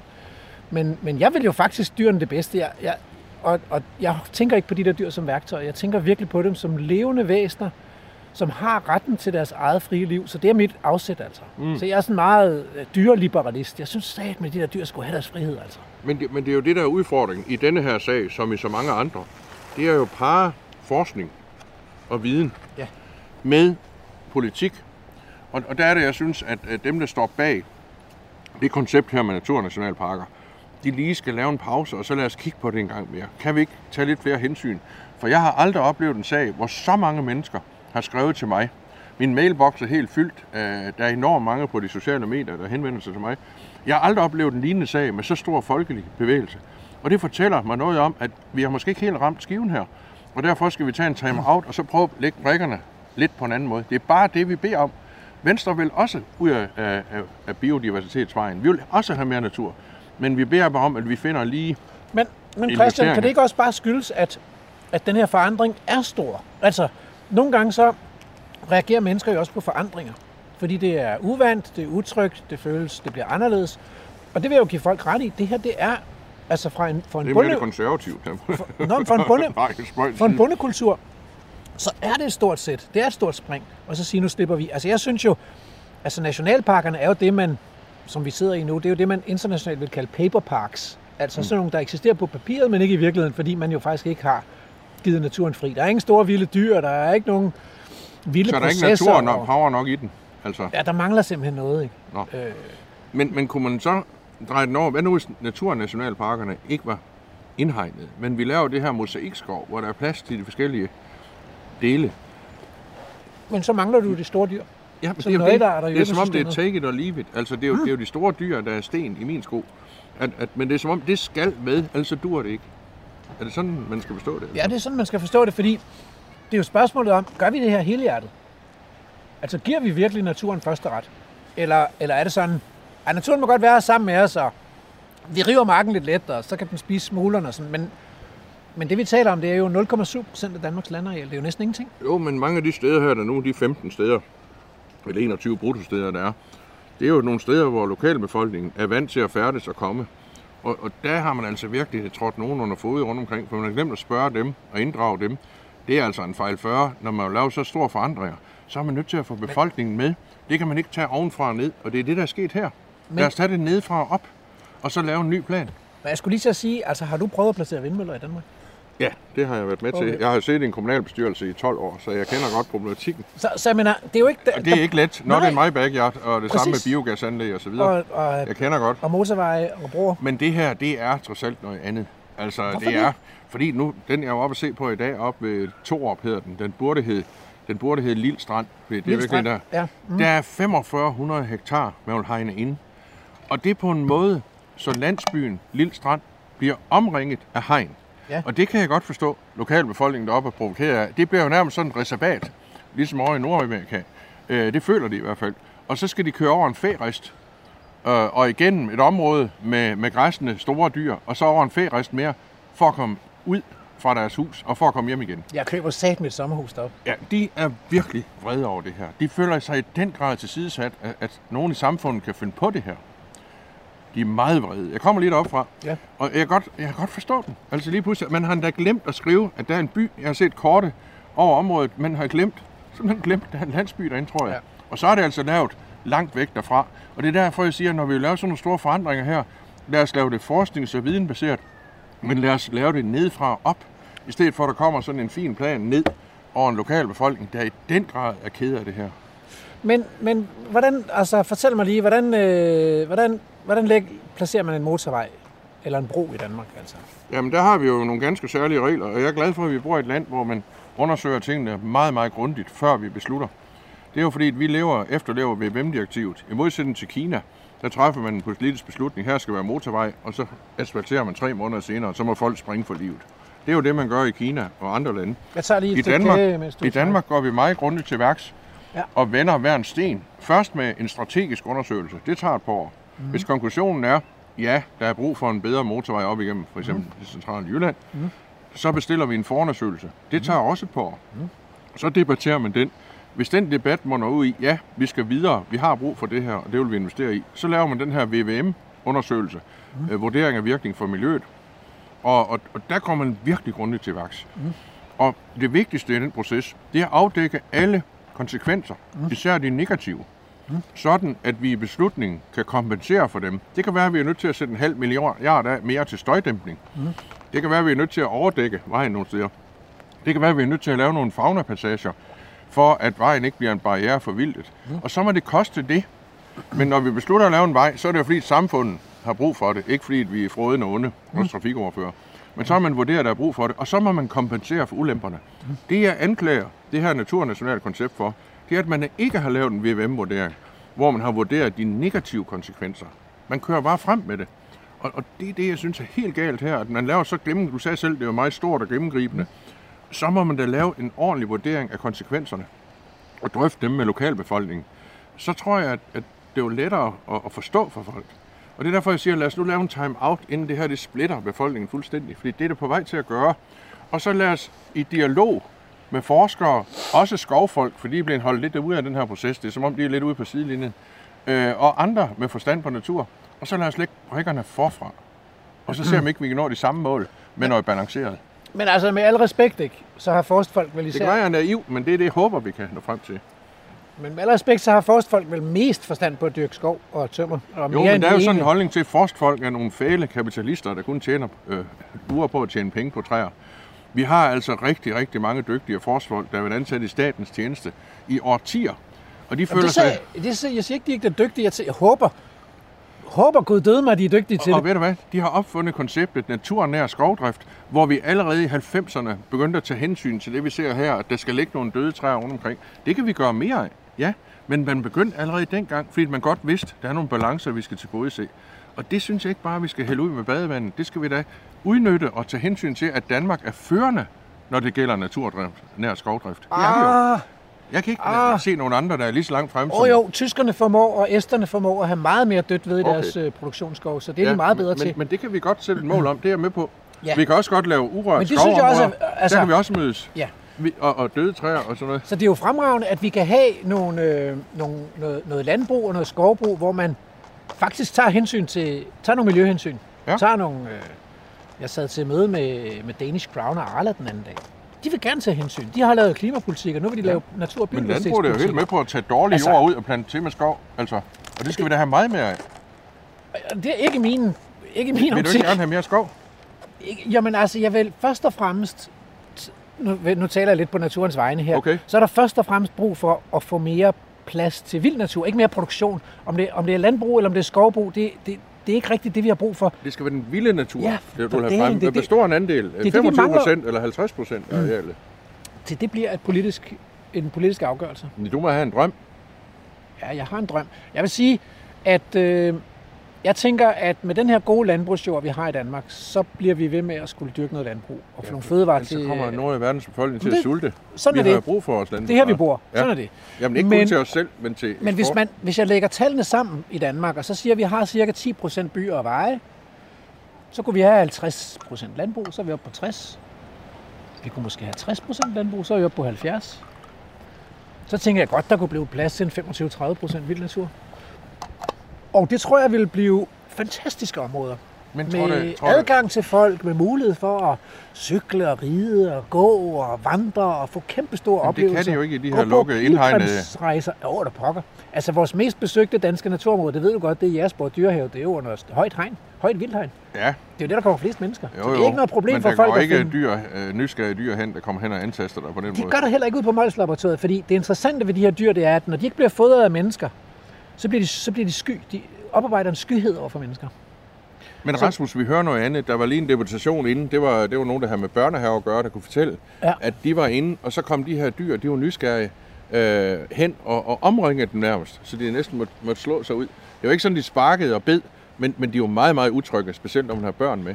Så men- de er jo nysgerrige. Det er fodrede dyr, du taler om der. Ikke, ikke på Mols Laboratoriet. De holder 15-20 meters afstand til mennesker. Nej, tiden. det, det her det er jo et andet sted, hvor der var Ja. dyr. Ja. Øh, Og, det, og, og det er jo en, øh, en gammel problemstilling, at opsøgende dyr i naturplejearealer er en udfordring, øh, især i forbindelse med hundelufter, og der er jo også mennesker, der er kommet galt afsted, så man kan ikke, man kan ikke sige, at store dyr er ufarlige. Det vil være dumt. Jamen, jeg har også lige fået et svar fra, fra Miljøministeren. Vi- Jeg spurgte, om man kan garantere, at der Ja. ja. ingen risiko er. Det kan hun ikke. Nej, nej. Han siger, hun siger, at den er ringe, Ja. men den er der. Ja. Og hvis, vi, og hvis vi havde gået her i går, eller hvis vi skulle have gået her i dag og lavet dialogkaffe, så ville jeg have foreslået, at vi, at vi tog den op på parkeringspladsen, fordi det er også farligt at gå i skoven, når det blæser. Altså is, især hernede langs med kysten, ikke?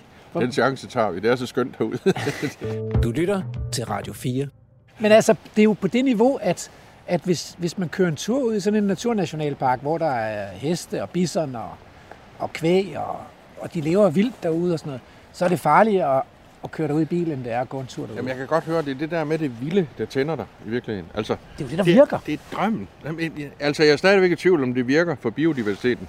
Men Ej, jeg er ikke i tvivl om, mene? at, Hvem, at, hvem, har, hvem at- har dog bildt dig det og, og det er jo okay, at nogen har den holdning, at vi vil gerne have mere vild og urørt natur Ja. øh, på den måde i Danmark. Det er jo okay. Ja. Det er en holdning, jeg er nødt til at respektere.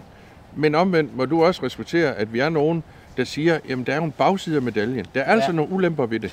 Men, men det synes jeg er jo helt, det er helt legitimt, at når vi kommer til den politiske beslutning, så handler det jo rigtig meget om, Afveje. ja, ja, så handler det rigtig meget om at finde ud af, hvad er det, hvordan, hvor, ser vi, hvordan ser vi det smukkeste, det rigtigste, det skønneste, ja. det bedste Og Danmark det er at jo bo i. dygtigt ikke? arbejde, at I har fået øh, en aftale, den, politiske aftale i 2020, det er jo det, det hele baserer sig på her.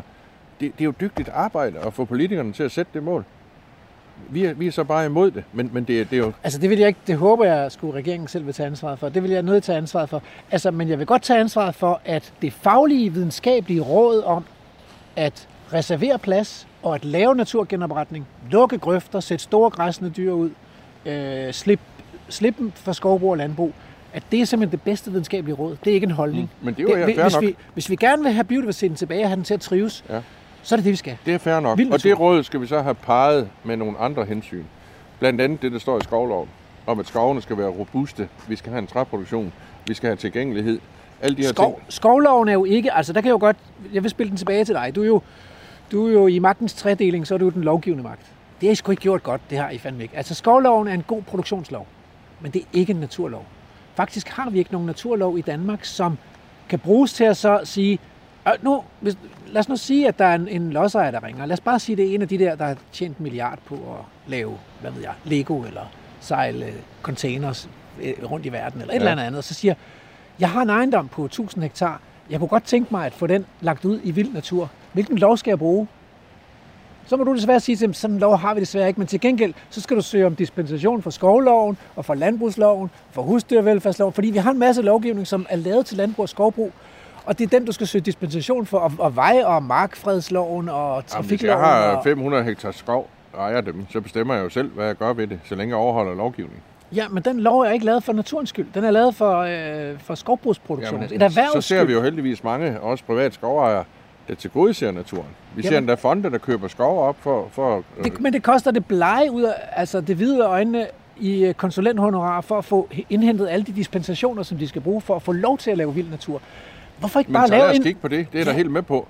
Altså Øh. en di- biodiversitetslov, der siger, okay, hvis, det, hvis der er nogen, der virkelig vil betale for det her, øh, og oven i købet af egen lomme, så skal de sgu også have lov til det. Men, men jeg vil gerne vende tilbage til et andet hensyn, fordi biodiversiteten, det er et globalt problem. Det er jeg med på. Ja. Det er vi enige om. Ja.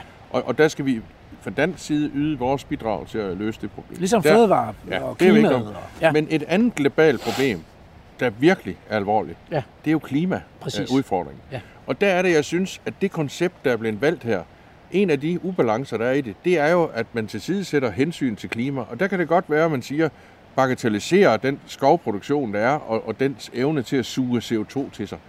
Det gør jeg ikke, fordi det er faktisk rigtig, rigtig mange tons hver år. Og, og det er jo derfor, hvis vi får mere skov med mere træproduktion, så får vi mindre CO2. Og dermed er vi med til at redde klimaet. Ja. Det, vi er da nødt til at tage alle de bidrag, vi kan få. Øh, inden for transporten, der kæmper vi som sindssyge for at finde veje til at få den tunge transport godt grøn. Flytransporten, skibstransporten. Altså, klimadagsordenen er da meget, meget væsentlig, mm. øh, og den må vi have parret sammen med det her. Mm. Og der med al respekt, der er det klart, at hvis jeg var biolog, mm. så vil jeg da også fokusere ret kraftigt på biodiversiteten. Men vi politikere har jo et helhedsansvar. Vi er nødt til at parre det med de andre hensyn. For eksempel vores meget, meget alvorlige udfordring med klimaet. Det synes jeg er 100% legitimt, så på den måde er jeg ikke... Altså, jeg synes, jeg har meget respekt for dygtige, øh, dygtige landmænd og dygtige skovdyrkere og dygtige arkitekter og sådan noget. Det, nu er det tilfældigvis biodiversitet, jeg ved noget om.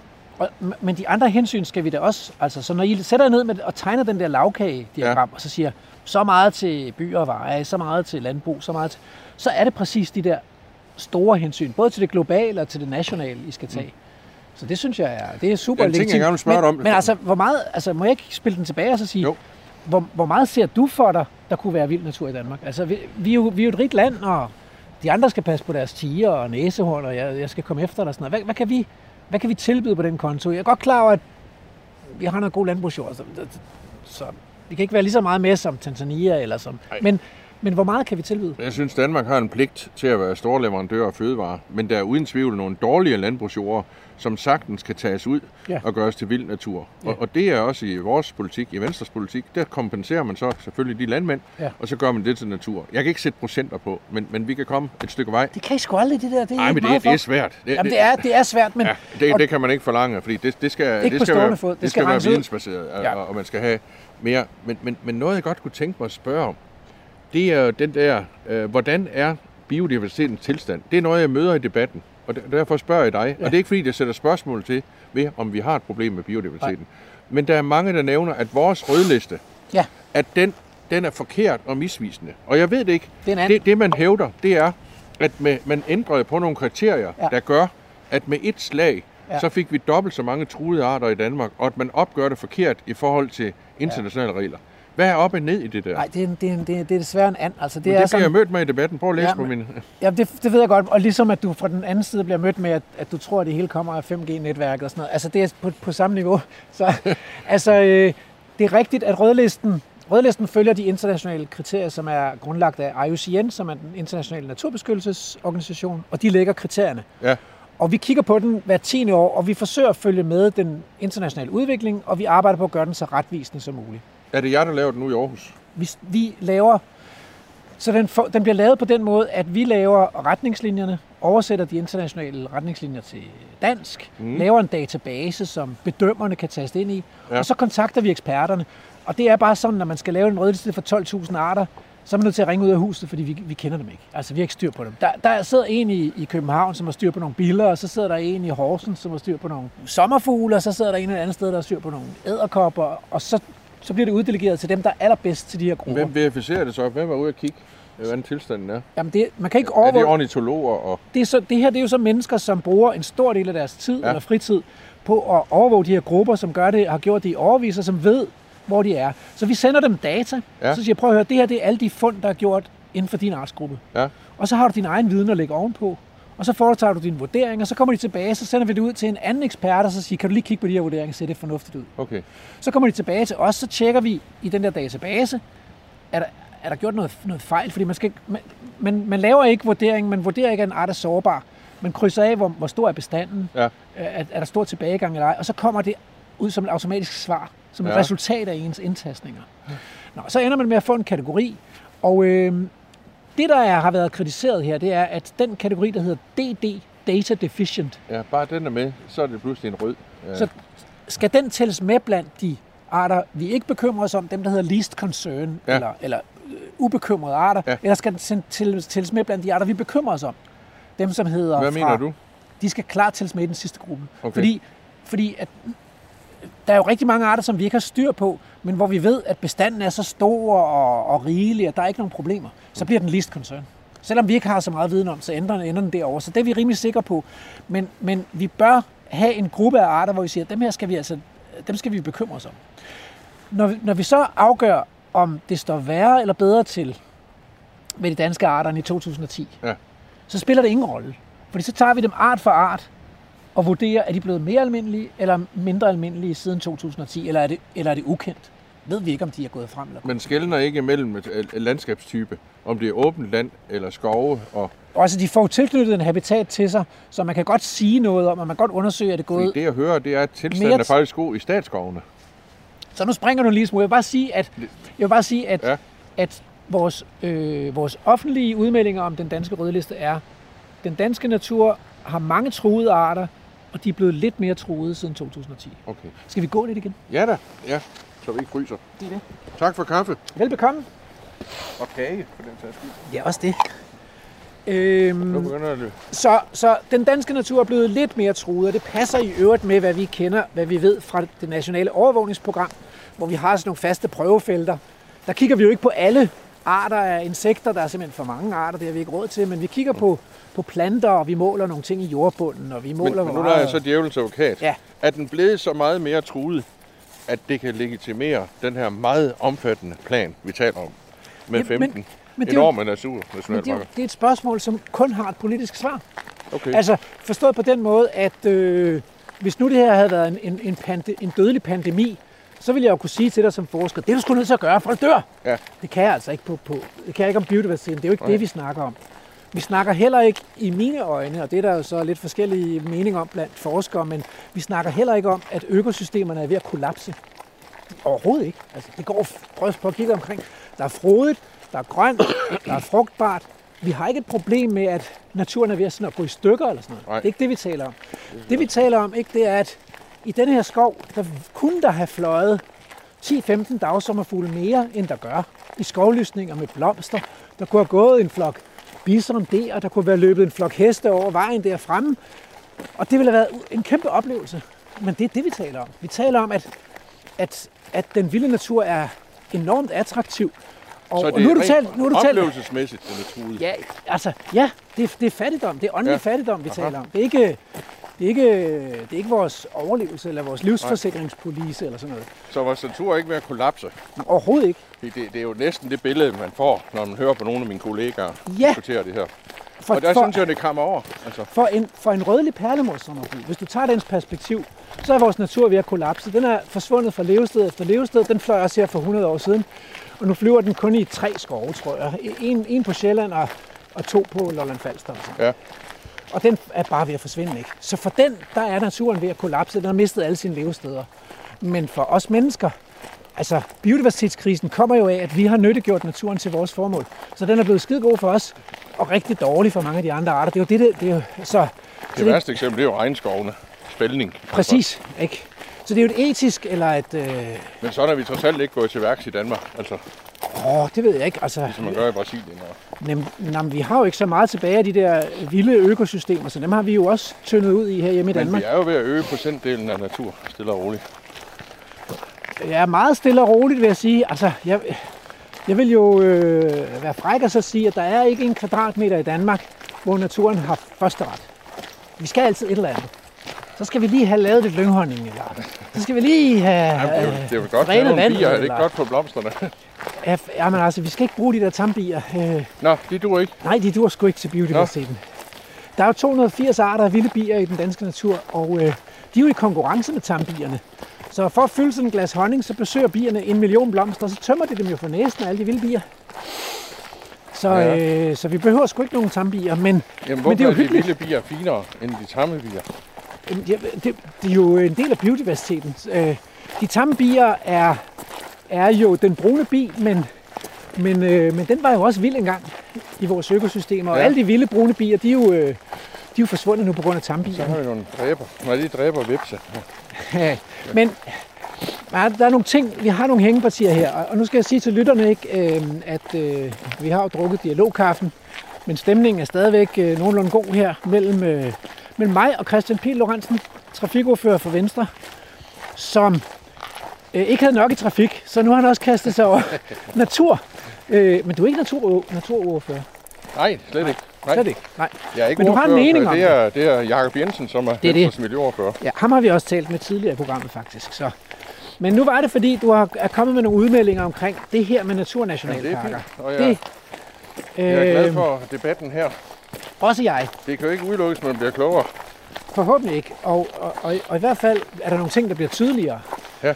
Øh, Og jeg har altså, fået lejlighed til at præsentere, eller at slå fast, at Venstre også vil have bedre biodiversitet og bedre natur. Ja. Vi er bare uenige i det her koncept, der er lagt frem. Ja. Blandt andet fordi det går på kompromis med dyrevelfærd og menneskers adgang til naturen. Ah, det, der, det der dyrevelfærd. CO2-udledning. Jeg bliver nødt til at anfægte det, altså fordi man må jo ikke, altså der er jo en dyrevelfærdslov, så man skal overholde, også i de her øh, naturnationalparker, ikke? Jamen, hvorfor ændrer man den så? Hvis, hvorfor overholder man ikke bare loven? Jamen det er jo fordi, at det, hvis, hvis, hvis dyret ikke selv kan gå og finde sin føde, det giver da meget god mening, så er man nødt til at kigge til det dagligt. Men hvis dyret rent faktisk kan gå og finde sin føde og leve naturligt i økosystemet, så er der jo ikke, altså det er lidt noget pjat, der skulle gå og kigge til dem hver dag. Det gør man jo heller ikke med vores krondyr og dårdyr og årdyr. Det øh, kan man sige, hvis man tager dyr i sin varetægt og hegner dem inde, hvilket jeg synes ikke har noget med vild natur at gøre, så er det ikke for meget, at man tilser dem. Og det er nok der, hvor vi, vi blev ikke rigtig enige om, hvor stort skal det her det er naturområde, okay. hvor stort skal naturområdet være, før vi kan sige, okay, der er godt nok et hegn, ikke? men dyret ser det aldrig her. Det, og, det kan, og det er egentlig, det Det lever egentlig vildt. så ikke? store områder som muligt. Ja, for at, for at kunne sige, prøv at høre, nu kan vi mennesker godt ah, ånde ud og slippe ansvaret og lade naturen være natur. Men- Øh, altså de der dyr ude på Mols Laboratoriet, det er endda kun 120 hektar, de ved jo ikke, at de, at de er indhegnet. Altså, det er ikke en del af deres... De, det er bare deres område. Ja. Ja. Der lever de. Det kunne lige så godt have været en ø. Jeg skal lige spørge, hvor, hvorfor er det, at det er så vigtigt, at de går ud hele året? Altså, Ja. ja. så vi får den der sult, som, som, som mange er, er meget farvet over, med god ret. Øh, oppe i Tranum, der har vi jo græssen af dyr halvdelen af året. Ja. Og så bliver det taget ind, Ja. og så er du igen til foråret. De virker... Er det ikke godt nok? Altså, øh, ja, så er det jo ikke vildt. Det er jo ikke vilde dyr, så. Ej, Altså, så er, det, så er det dyrene som værktøjer, og det har du kritiseret mig for tidligere. Så jeg, jeg vil jo hellere sige, at dyrene er et mål i sig selv. Det at sætte dyrene fri er et selvstændigt mål simpelthen. Så, så vi skal prøve at genbefolke den her klode med store vilde pattedyr, fordi vi har fjernet dem, vi og vores forfædre har fjernet dem fra landjorden. Ikke? Så hvis Jamen, man tager, skal vi egentlig tilbage? Hvad? Altså, det kunne jeg godt Vi tænke skal mig jo kun Det blev jeg spurgt om. Skal vi 150 år tilbage, Jamen. eller er det 500 år? Eller? Ja, altså hvis man vil forstå øh, grundlaget for vores biodiversitet, så skal man se det i et meget langt tidsperspektiv. Okay. Øh, men, men vi kan jo ikke vi kan ikke, vi kan ikke vælge et bestemt tidspunkt og så sige, det er det rigtige, og så går vi tilbage til det. Men så kan man jo plukke i det, som man vil. Altså, Ja, bortset fra altså, at hvis man ser det i det der lange tidsperspektiv, så har normalen været, at, øh, at skoven har været vilde, at vandet er løbet frit, at havet har været vildt, og der har været store vilde dyr. Og der har været lige så mange, som der var mad til i økosystemet. Så det er ligesom opskriften på vild natur. Øhm, men, og, men, og, og den skal vi så, man kan sige, vi kan ikke få, øh, altså vi kan ikke få den der natur tilbage, som var der, da de første mennesker ankom til Europa, fordi der er jo arter, der er uddøde. Altså, øh, der, vi har ikke flere elefanter, vi har ikke flere næsehorn, vi har ikke flere huleløver. Og det er heller ikke sikkert, at vi i dag er et sted, hvor vi det tænker, får vi nok heller ikke igen. vi tænker, skulle vi prøve at rewilde en løve? Hvad siger du, Christian? Hva? altså, jeg har snakket med, Skal vi tilbage til, hvor der var mammutter? jeg har snakket med, hvad hedder det, øh, øh, Givskud Løvepark. Og Ja. øh, Richard Østerballe, der, han siger, at hans løver, de vil skulle trives fint, hvis han slap dem ud Okay, i det danske land. Ja.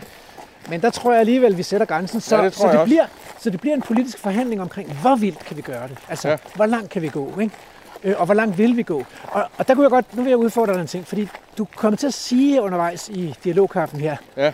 at, at altså det er som om, at, at de her naturnationalparker kommer til at fremstå som ufolkelige. Ja. Så, så alle folk ringer og skriver til dig om, at det ved de ikke. Men, Men, gør det her. men er, det ikke, er det ikke på en måde mærkeligt, fordi de områder, hvor, hvor vi allerede i dag har sat dyrene ud, altså bisonerne i Almeningen, elgene i Lille Vildmose, øh, hestene, vildhestene i Bøtø Plantage, ved siden af Danmarks største sommerhusområde, og, øh, og, og hestene og kvædet på Mols Laboratoriet, som nu lever vildt uden at blive fodret. Det er jo vanvittigt populære udflugtsmål. Folk vælter jo ind. Så hvordan kan det være? Og det er jo ikke biologer og nørder, det er jo helt almindelige mennesker og danskere, der kommer på besøg, fordi de, fordi de synes, det er fascinerende at se den her vilde Jamen, det synes jeg da er rigtig godt. Skal vi ikke også lave noget for dem? Altså? Jo, jeg synes, det er fint, vi har det i Vildmosen, forudsat dyrene ikke lider og sulter, og at de bliver tilset.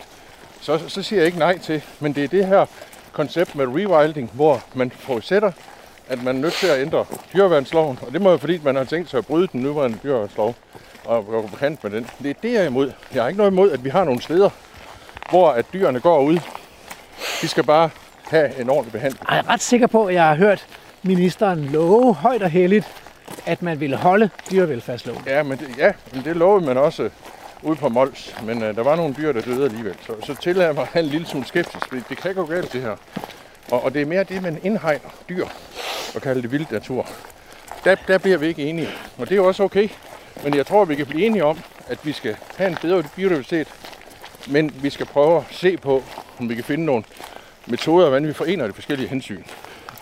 Men, øh, men så kunne jeg godt tænke mig at høre, hvordan, altså, vil du så helt opgive de der store dyr?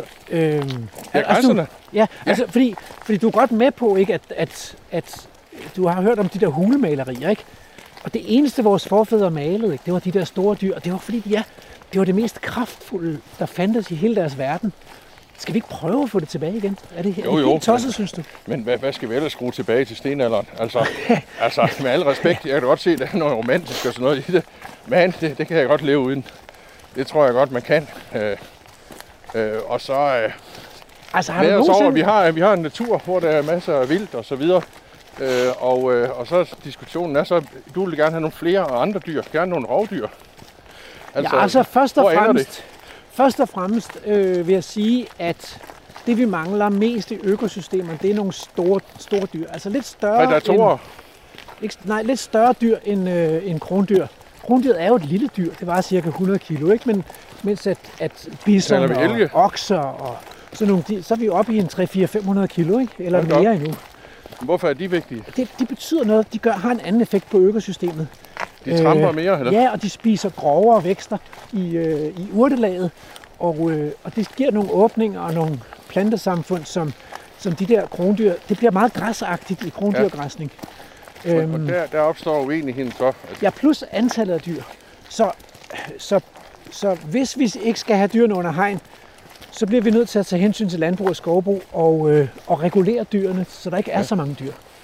Og det, og, det, og det er altså et problem for, for, for den her græsningsfunktion i økosystemet. Så, så der tror jeg, at altså det er lidt provincielt at tro, at man kan have vild natur uden hegn. Det kan man heller ikke nogen andre steder i verden. Altså næsten Jamen, ingen så er jeg gerne verden. provinciel. Altså, fordi at, at det der med at hegne natur ind, og så kalde det vild natur, det, øh, det, det skuer fældt i mine ører, og der bliver vi ikke enige. Men vi kan sagtens mødes på en masse andre punkter, Men og jeg er med på en masse tiltag, der kan styrke biodiversiteten. Vi kan godt forbedre vores naturnære skovdrift og så videre. Men lige den der, det er Men, for vidtgående. Men synes du så også, det i Afrika? De har jo simpelthen reddet det hvide næsehorn og løver og elefanter og sådan noget, ved at lave øh, indhegnede reservater for dem i Afrika. Jamen, det, Er det, er det så heller ikke vild natur? Med al respekt, så synes jeg ikke, man kan sammenligne Danmark og Afrika. Der er altså lidt forskelle på dimensionerne og afstandene. Mm.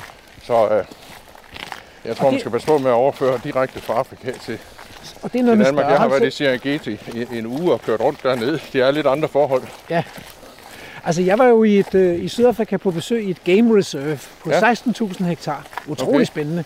Og vi kørte rundt, og en dag tog guiden os med ud til hegnet, bare for at vi skulle se det. Men ellers så så vi jo ikke det der hegn på noget tidspunkt. Men, øh, men Thy Nationalpark er jo 21.000 hektar.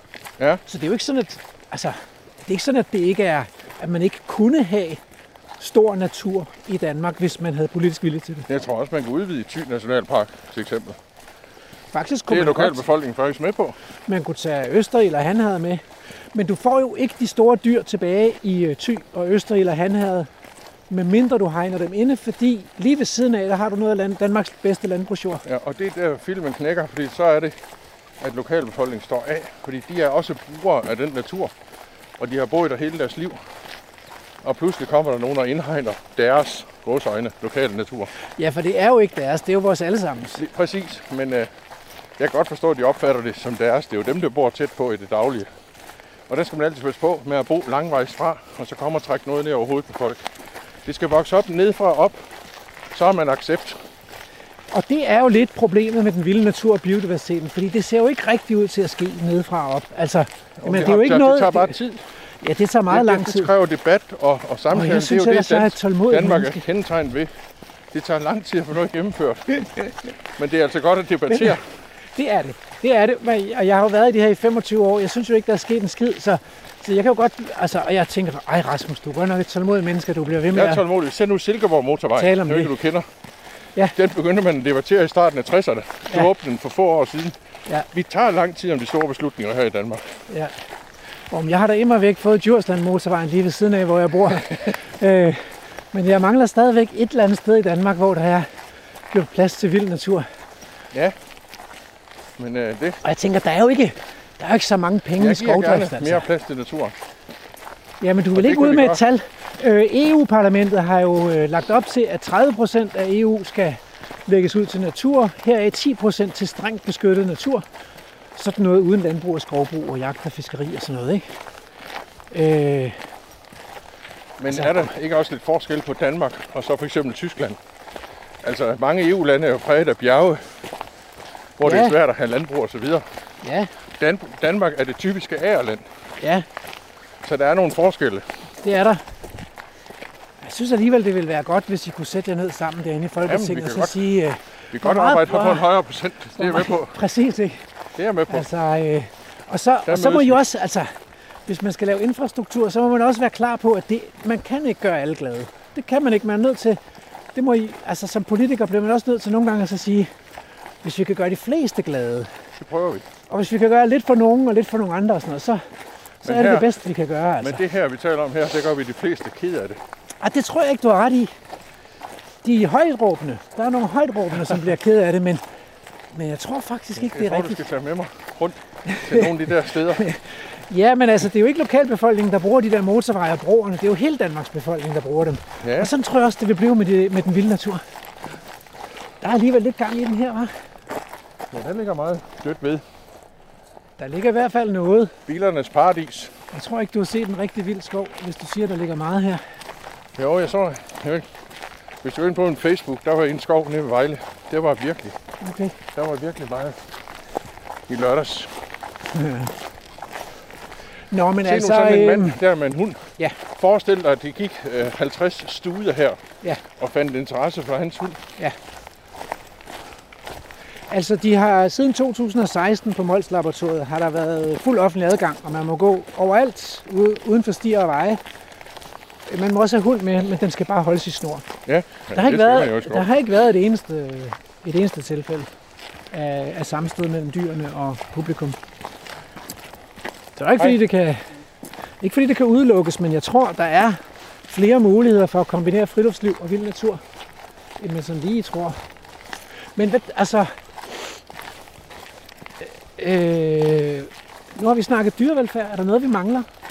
Vi har ikke Ja. snakket så meget friluftsliv, men vi er Ja. enige om, at, at, at, at man skal, der bliver nogle ændrede adfærdsregler, hvis man skal ind i et stort område med store vilde dyr. Man skal tage nogle hensyn. Man skal for eksempel have sin hund i snor. Ja, jamen, Og man skal man lade være med at- i alle skove. Lad være med at gå tæt på dyrene, og lad være med at opsøge kalve og følge og sådan noget. Ikke? Jo, jo. Det skal man lære.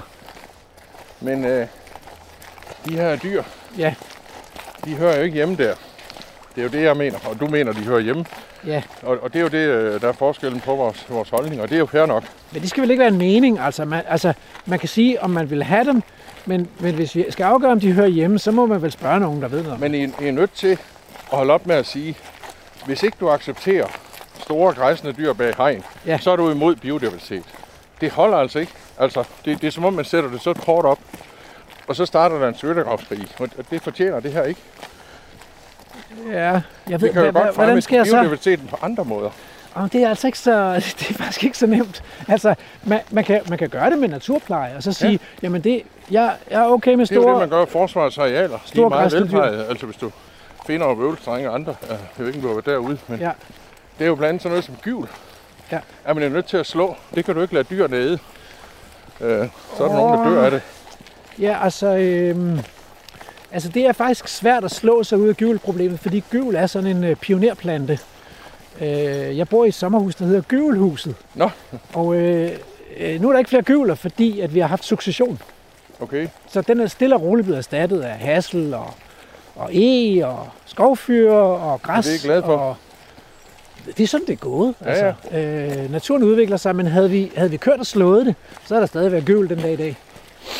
Så det er også en måde at forynge gyvlen på, så det Men er ikke helt med så enkelt. vandløbene? Lad os lige høre noget om ådalene. Ja, Det her beskæftiger også med. Ja. Skal vi bare lade vandet stige, sådan at ejeren af Svostrup Kro må se sin kælder stå under vand? Eller skal vi tage hensyn til, at der også er mennesker langs med vandløbene? Altså, Eller må øh, mennesket forføje sig? den vil jeg spille tilbage og så sige, jeg synes, det er en politisk opgave at lave den her fysiske planlægning, og en del af øvelsen bliver, at vi mennesker trækker os der, hvor det ikke giver mening. Altså, vi har jo begået fejl. Du kunne se den der frygtelige, frygtelige ulykke i Tyskland med oversvømmelser. At det var jo en fejl at bygge dernede i Årdalen. Ja, Det var jo, øh, øh, man kunne have forudsagt, at det ville ende i en katastrofe på et tidspunkt. Så der vil være nogle steder langs med vores kyster og i vores ådale, hvor det mest fornuftige politiske vil være at sige, nu det laver er vi en på. pla- Planlagt i planlagt tilbagetrækning. Ikke? ja, med fuld kompensation. Ja, Det er præcis. vi med på. Ja. Men der er nogle andre steder, hvor vi så er nødt til at vedligeholde vandløbene, hvor det er nede i den højde. Og det tænker jeg er en, øh, en politisk opgave at lave den afvejning. Og så sige, hvor er det, vi skal give plads? Og hvor kan der være vandparkering? Ja. Hvor kan der være? Og det lægger så op til en, måske en, en lille kæphest hos mig, så sige, hvis nu I sætter jer ned med det Danmarkskort der, så kunne man jo sætte gang i en planlagt jordfordeling, hvor man siger, øh, lad os nu sætte os ned område for område, tale sammen, finde ud af, hvad skal være hvor, og hvad skal det koste, Ja. og hvordan skal vi få det til at ske. Altså, fordi det er en stor Jamen, opgave. Det, det er jeg med på, og, øh, og det er jo sådan set også det, der er i gang. Og som Ja. ja. landbrug og fødevare og andre gode kræfter er med i. Men, men til, til, altså, nu nærmer vi os jo slutningen. Jeg vil gerne tilbage til den der, det der med pladsen. Jeg har ikke kunne få en procent ud af dig. Men altså, staten ejer jo kun 5 procent. Ja, Og det er jo det eneste sted, hvor man kan gøre det her, uden at skulle øh, have den store pengepunkt op eller om. Ikke? Fordi på de private arealer, som du også siger, det er jo fuld erstatning. Jo, Så- jo, men så der det er nogen, der gør det altså. frivilligt. Det skal jo også gøres op og tælle Det med. skal der tælle med. Ja. Altså. Men, men de to ønsker, jeg godt kunne, kunne have til dig, som, som, som du kunne tage med tilbage til Folketinget, det var den ene. Kunne I ikke, sætte jer, kunne I ikke sætte jer sammen og finde ud af, hvor meget vil vi gerne have i Danmark, på, på, måske med en lang tidshorisont? 30 år, 40 år frem i Ja. tiden. Hvor meget vil vi gerne have, der skal være vild natur? Og kunne I ikke lave en lov, som gjorde det muligt? Altså, nu, lige om lidt, så tager I jo 100.000 hektar øh, vådområder ud af Ja. drift. Ja. Men hvis de skal blive til vild natur, så mangler I, altså, det må jeg bare sige, I mangler en lovgivning, som I kan putte dem ind i. Altså, for den findes ikke. Jamen, hvad mangler der for, at det kan ske? Ja, En lov, der siger, at, altså lidt ligesom vi har i planloven med landzone og byzone, ja. En lov, som siger, prøv at høre, de arealer, de kommer ned ind i naturzonen, og der gælder nogle regler, som til gode ser hensynet til naturen, mens at i landzonen, der er det hensynet til produktionen, og i Ja. byzonen, der er det hensyn til infrastruktur. Hvad med hensyn til menneskers adgang? For eksempel er der nogle lystfiskere, der gerne vil kunne komme ned til åens bred. Det skal, man, det skal der stå i, øh, i, so, i zonelovgivningen. Så skal der stå, hvordan, hvordan regulerer vi adgang i, til naturen. Men øh, Det er da super vigtigt. det er jeg med på at kigge på. Ej, hvor godt. Jamen altså, øh, så tror jeg måske, at, øh, at vi nærmer os slutningen i hvert fald. Og øh, jeg kunne godt tænke mig at spørge Vi dig. er ikke enige. Nej, men, men øh, er der et eller andet, jeg føler, hvor du du tænker, lidt op af skyttegraven. tak i lige måde, er der et eller andet, hvor du tænker, hvor du tænker, det var nyt for mig, eller, eller øh, det har jeg fået med. Ja, altså, jeg er blevet lidt klogere på jeres tankegang og bag det her med rewilding og, og de store dyr bag hegn. Jeg er stadigvæk ikke enig, men, Nej. men jeg, jeg prøver at sætte mig ind i Ja. tankegangen, og jeg synes stadigvæk, det er forkert. Men, men mange af de andre ting er jeg med på. Jeg er med på, at vi laver et mix omkring skovene, så der er plads til alle hensyn. Også mere urørt skov, ja. mere biodiversitet. Ja. Det er helt med på. Ja. Så, øh, så det er ikke sådan, vi står totalt ned i skyttegravene. Jamen, så vil jeg godt, øh, så vil jeg godt øh, sige noget til dig også. For det første vil jeg rose dig for, at du kom. Det er, det er så vigtigt, at I politikere, det, hele jeres autoritet hviler på, at I bliver ved med at, at redegøre for jeres beslutningsgrundlag, for jeres tankesæt, gå ind i dialog, ytre jer i offentligheden. Det er Enig. simpelthen så vigtigt, ellers så dør demokratiet. Enig. Så tak for det. Det er Grundtvigs ånd. Yes, Ja. men det er, det, fordi det er så nemt, når man har magten, at lade være med at tale med folk. Ja, ja. Det går simpelthen ikke. Nu sidder du også i opposition. Og det er jo det, man har glemt med de her naturnationalparker. Man glemte at Ah, tale men med det folk. har man med alt muligt. Med alt muligt. Ja, ja. ikke? Altså, det, så- det gælder ikke kun det. Nej, det gør det ikke. Og, og måske skal vi vente med at rose dig, til du måske en dag sidder i regeringen. Så kan vi se, om du er lige så nem at få ud, eller om du så pludselig ikke vil snakke. Ja, Ja. men, jeg kommer øh, gerne. Jeg elsker feltbesøg, jamen, det er som jeg godt. det. Og det andet, jeg godt vil sige, det er, at øh, det- har egentlig overrasket mig, at du faktisk øh, har nogle meninger. Det overrasker mig ikke. Det vidste jeg. Du er jo tidligere major og sådan noget. Ikke? Men, så jeg vidste det. Og jeg har også hørt, læst, hvad du har skrevet. Men at du, at du også er nysgerrig. Du spørger. Hvor- Hvorfor, hvorfor siger du det? Hvorfor mener du det? Og det er jo forudsætningen for samtalen. Det er det. Så for mig har det været en dejlig dialogkaffe. Ja, øh, i lige måde. Det har faktisk været øh, en rigtig stor fornøjelse at være i skoven. Jamen altså, det er lige ved, at vi giver krammer nu, men det, Ja. ja. det, vi har jo stadigvæk omikron og Ja, helt vildt det. meget smitte, så Men det vi går kan i hvert fald give hånd. Ja, det kan vi. Ja, Tak for det. ja selv tak. God weekend. Og Rasmus, vi skal også lige nå hejkud. Jamen, jeg har ikke lavet et haiku endnu. Jeg bliver nødt til at sidde inde i bilen lige og Åh, tænke for over det. fanden. Jamen, så gør vi det. Nå, vi nåede det også, inden det blev mørkt. Ja, vi gjorde. Rasmus, har du fået skrevet hejkud? Den sidder der. Den er der. Hvis jeg kan den, altså sådan lige på, men den, det, den lyder sådan her. Mod til dialog. Handbavianers skovtur. Mundlederet smurt. Sådan. Programmet er produceret af Folkeuniversitetet og Aarhus Universitetsforlag for Radio 4.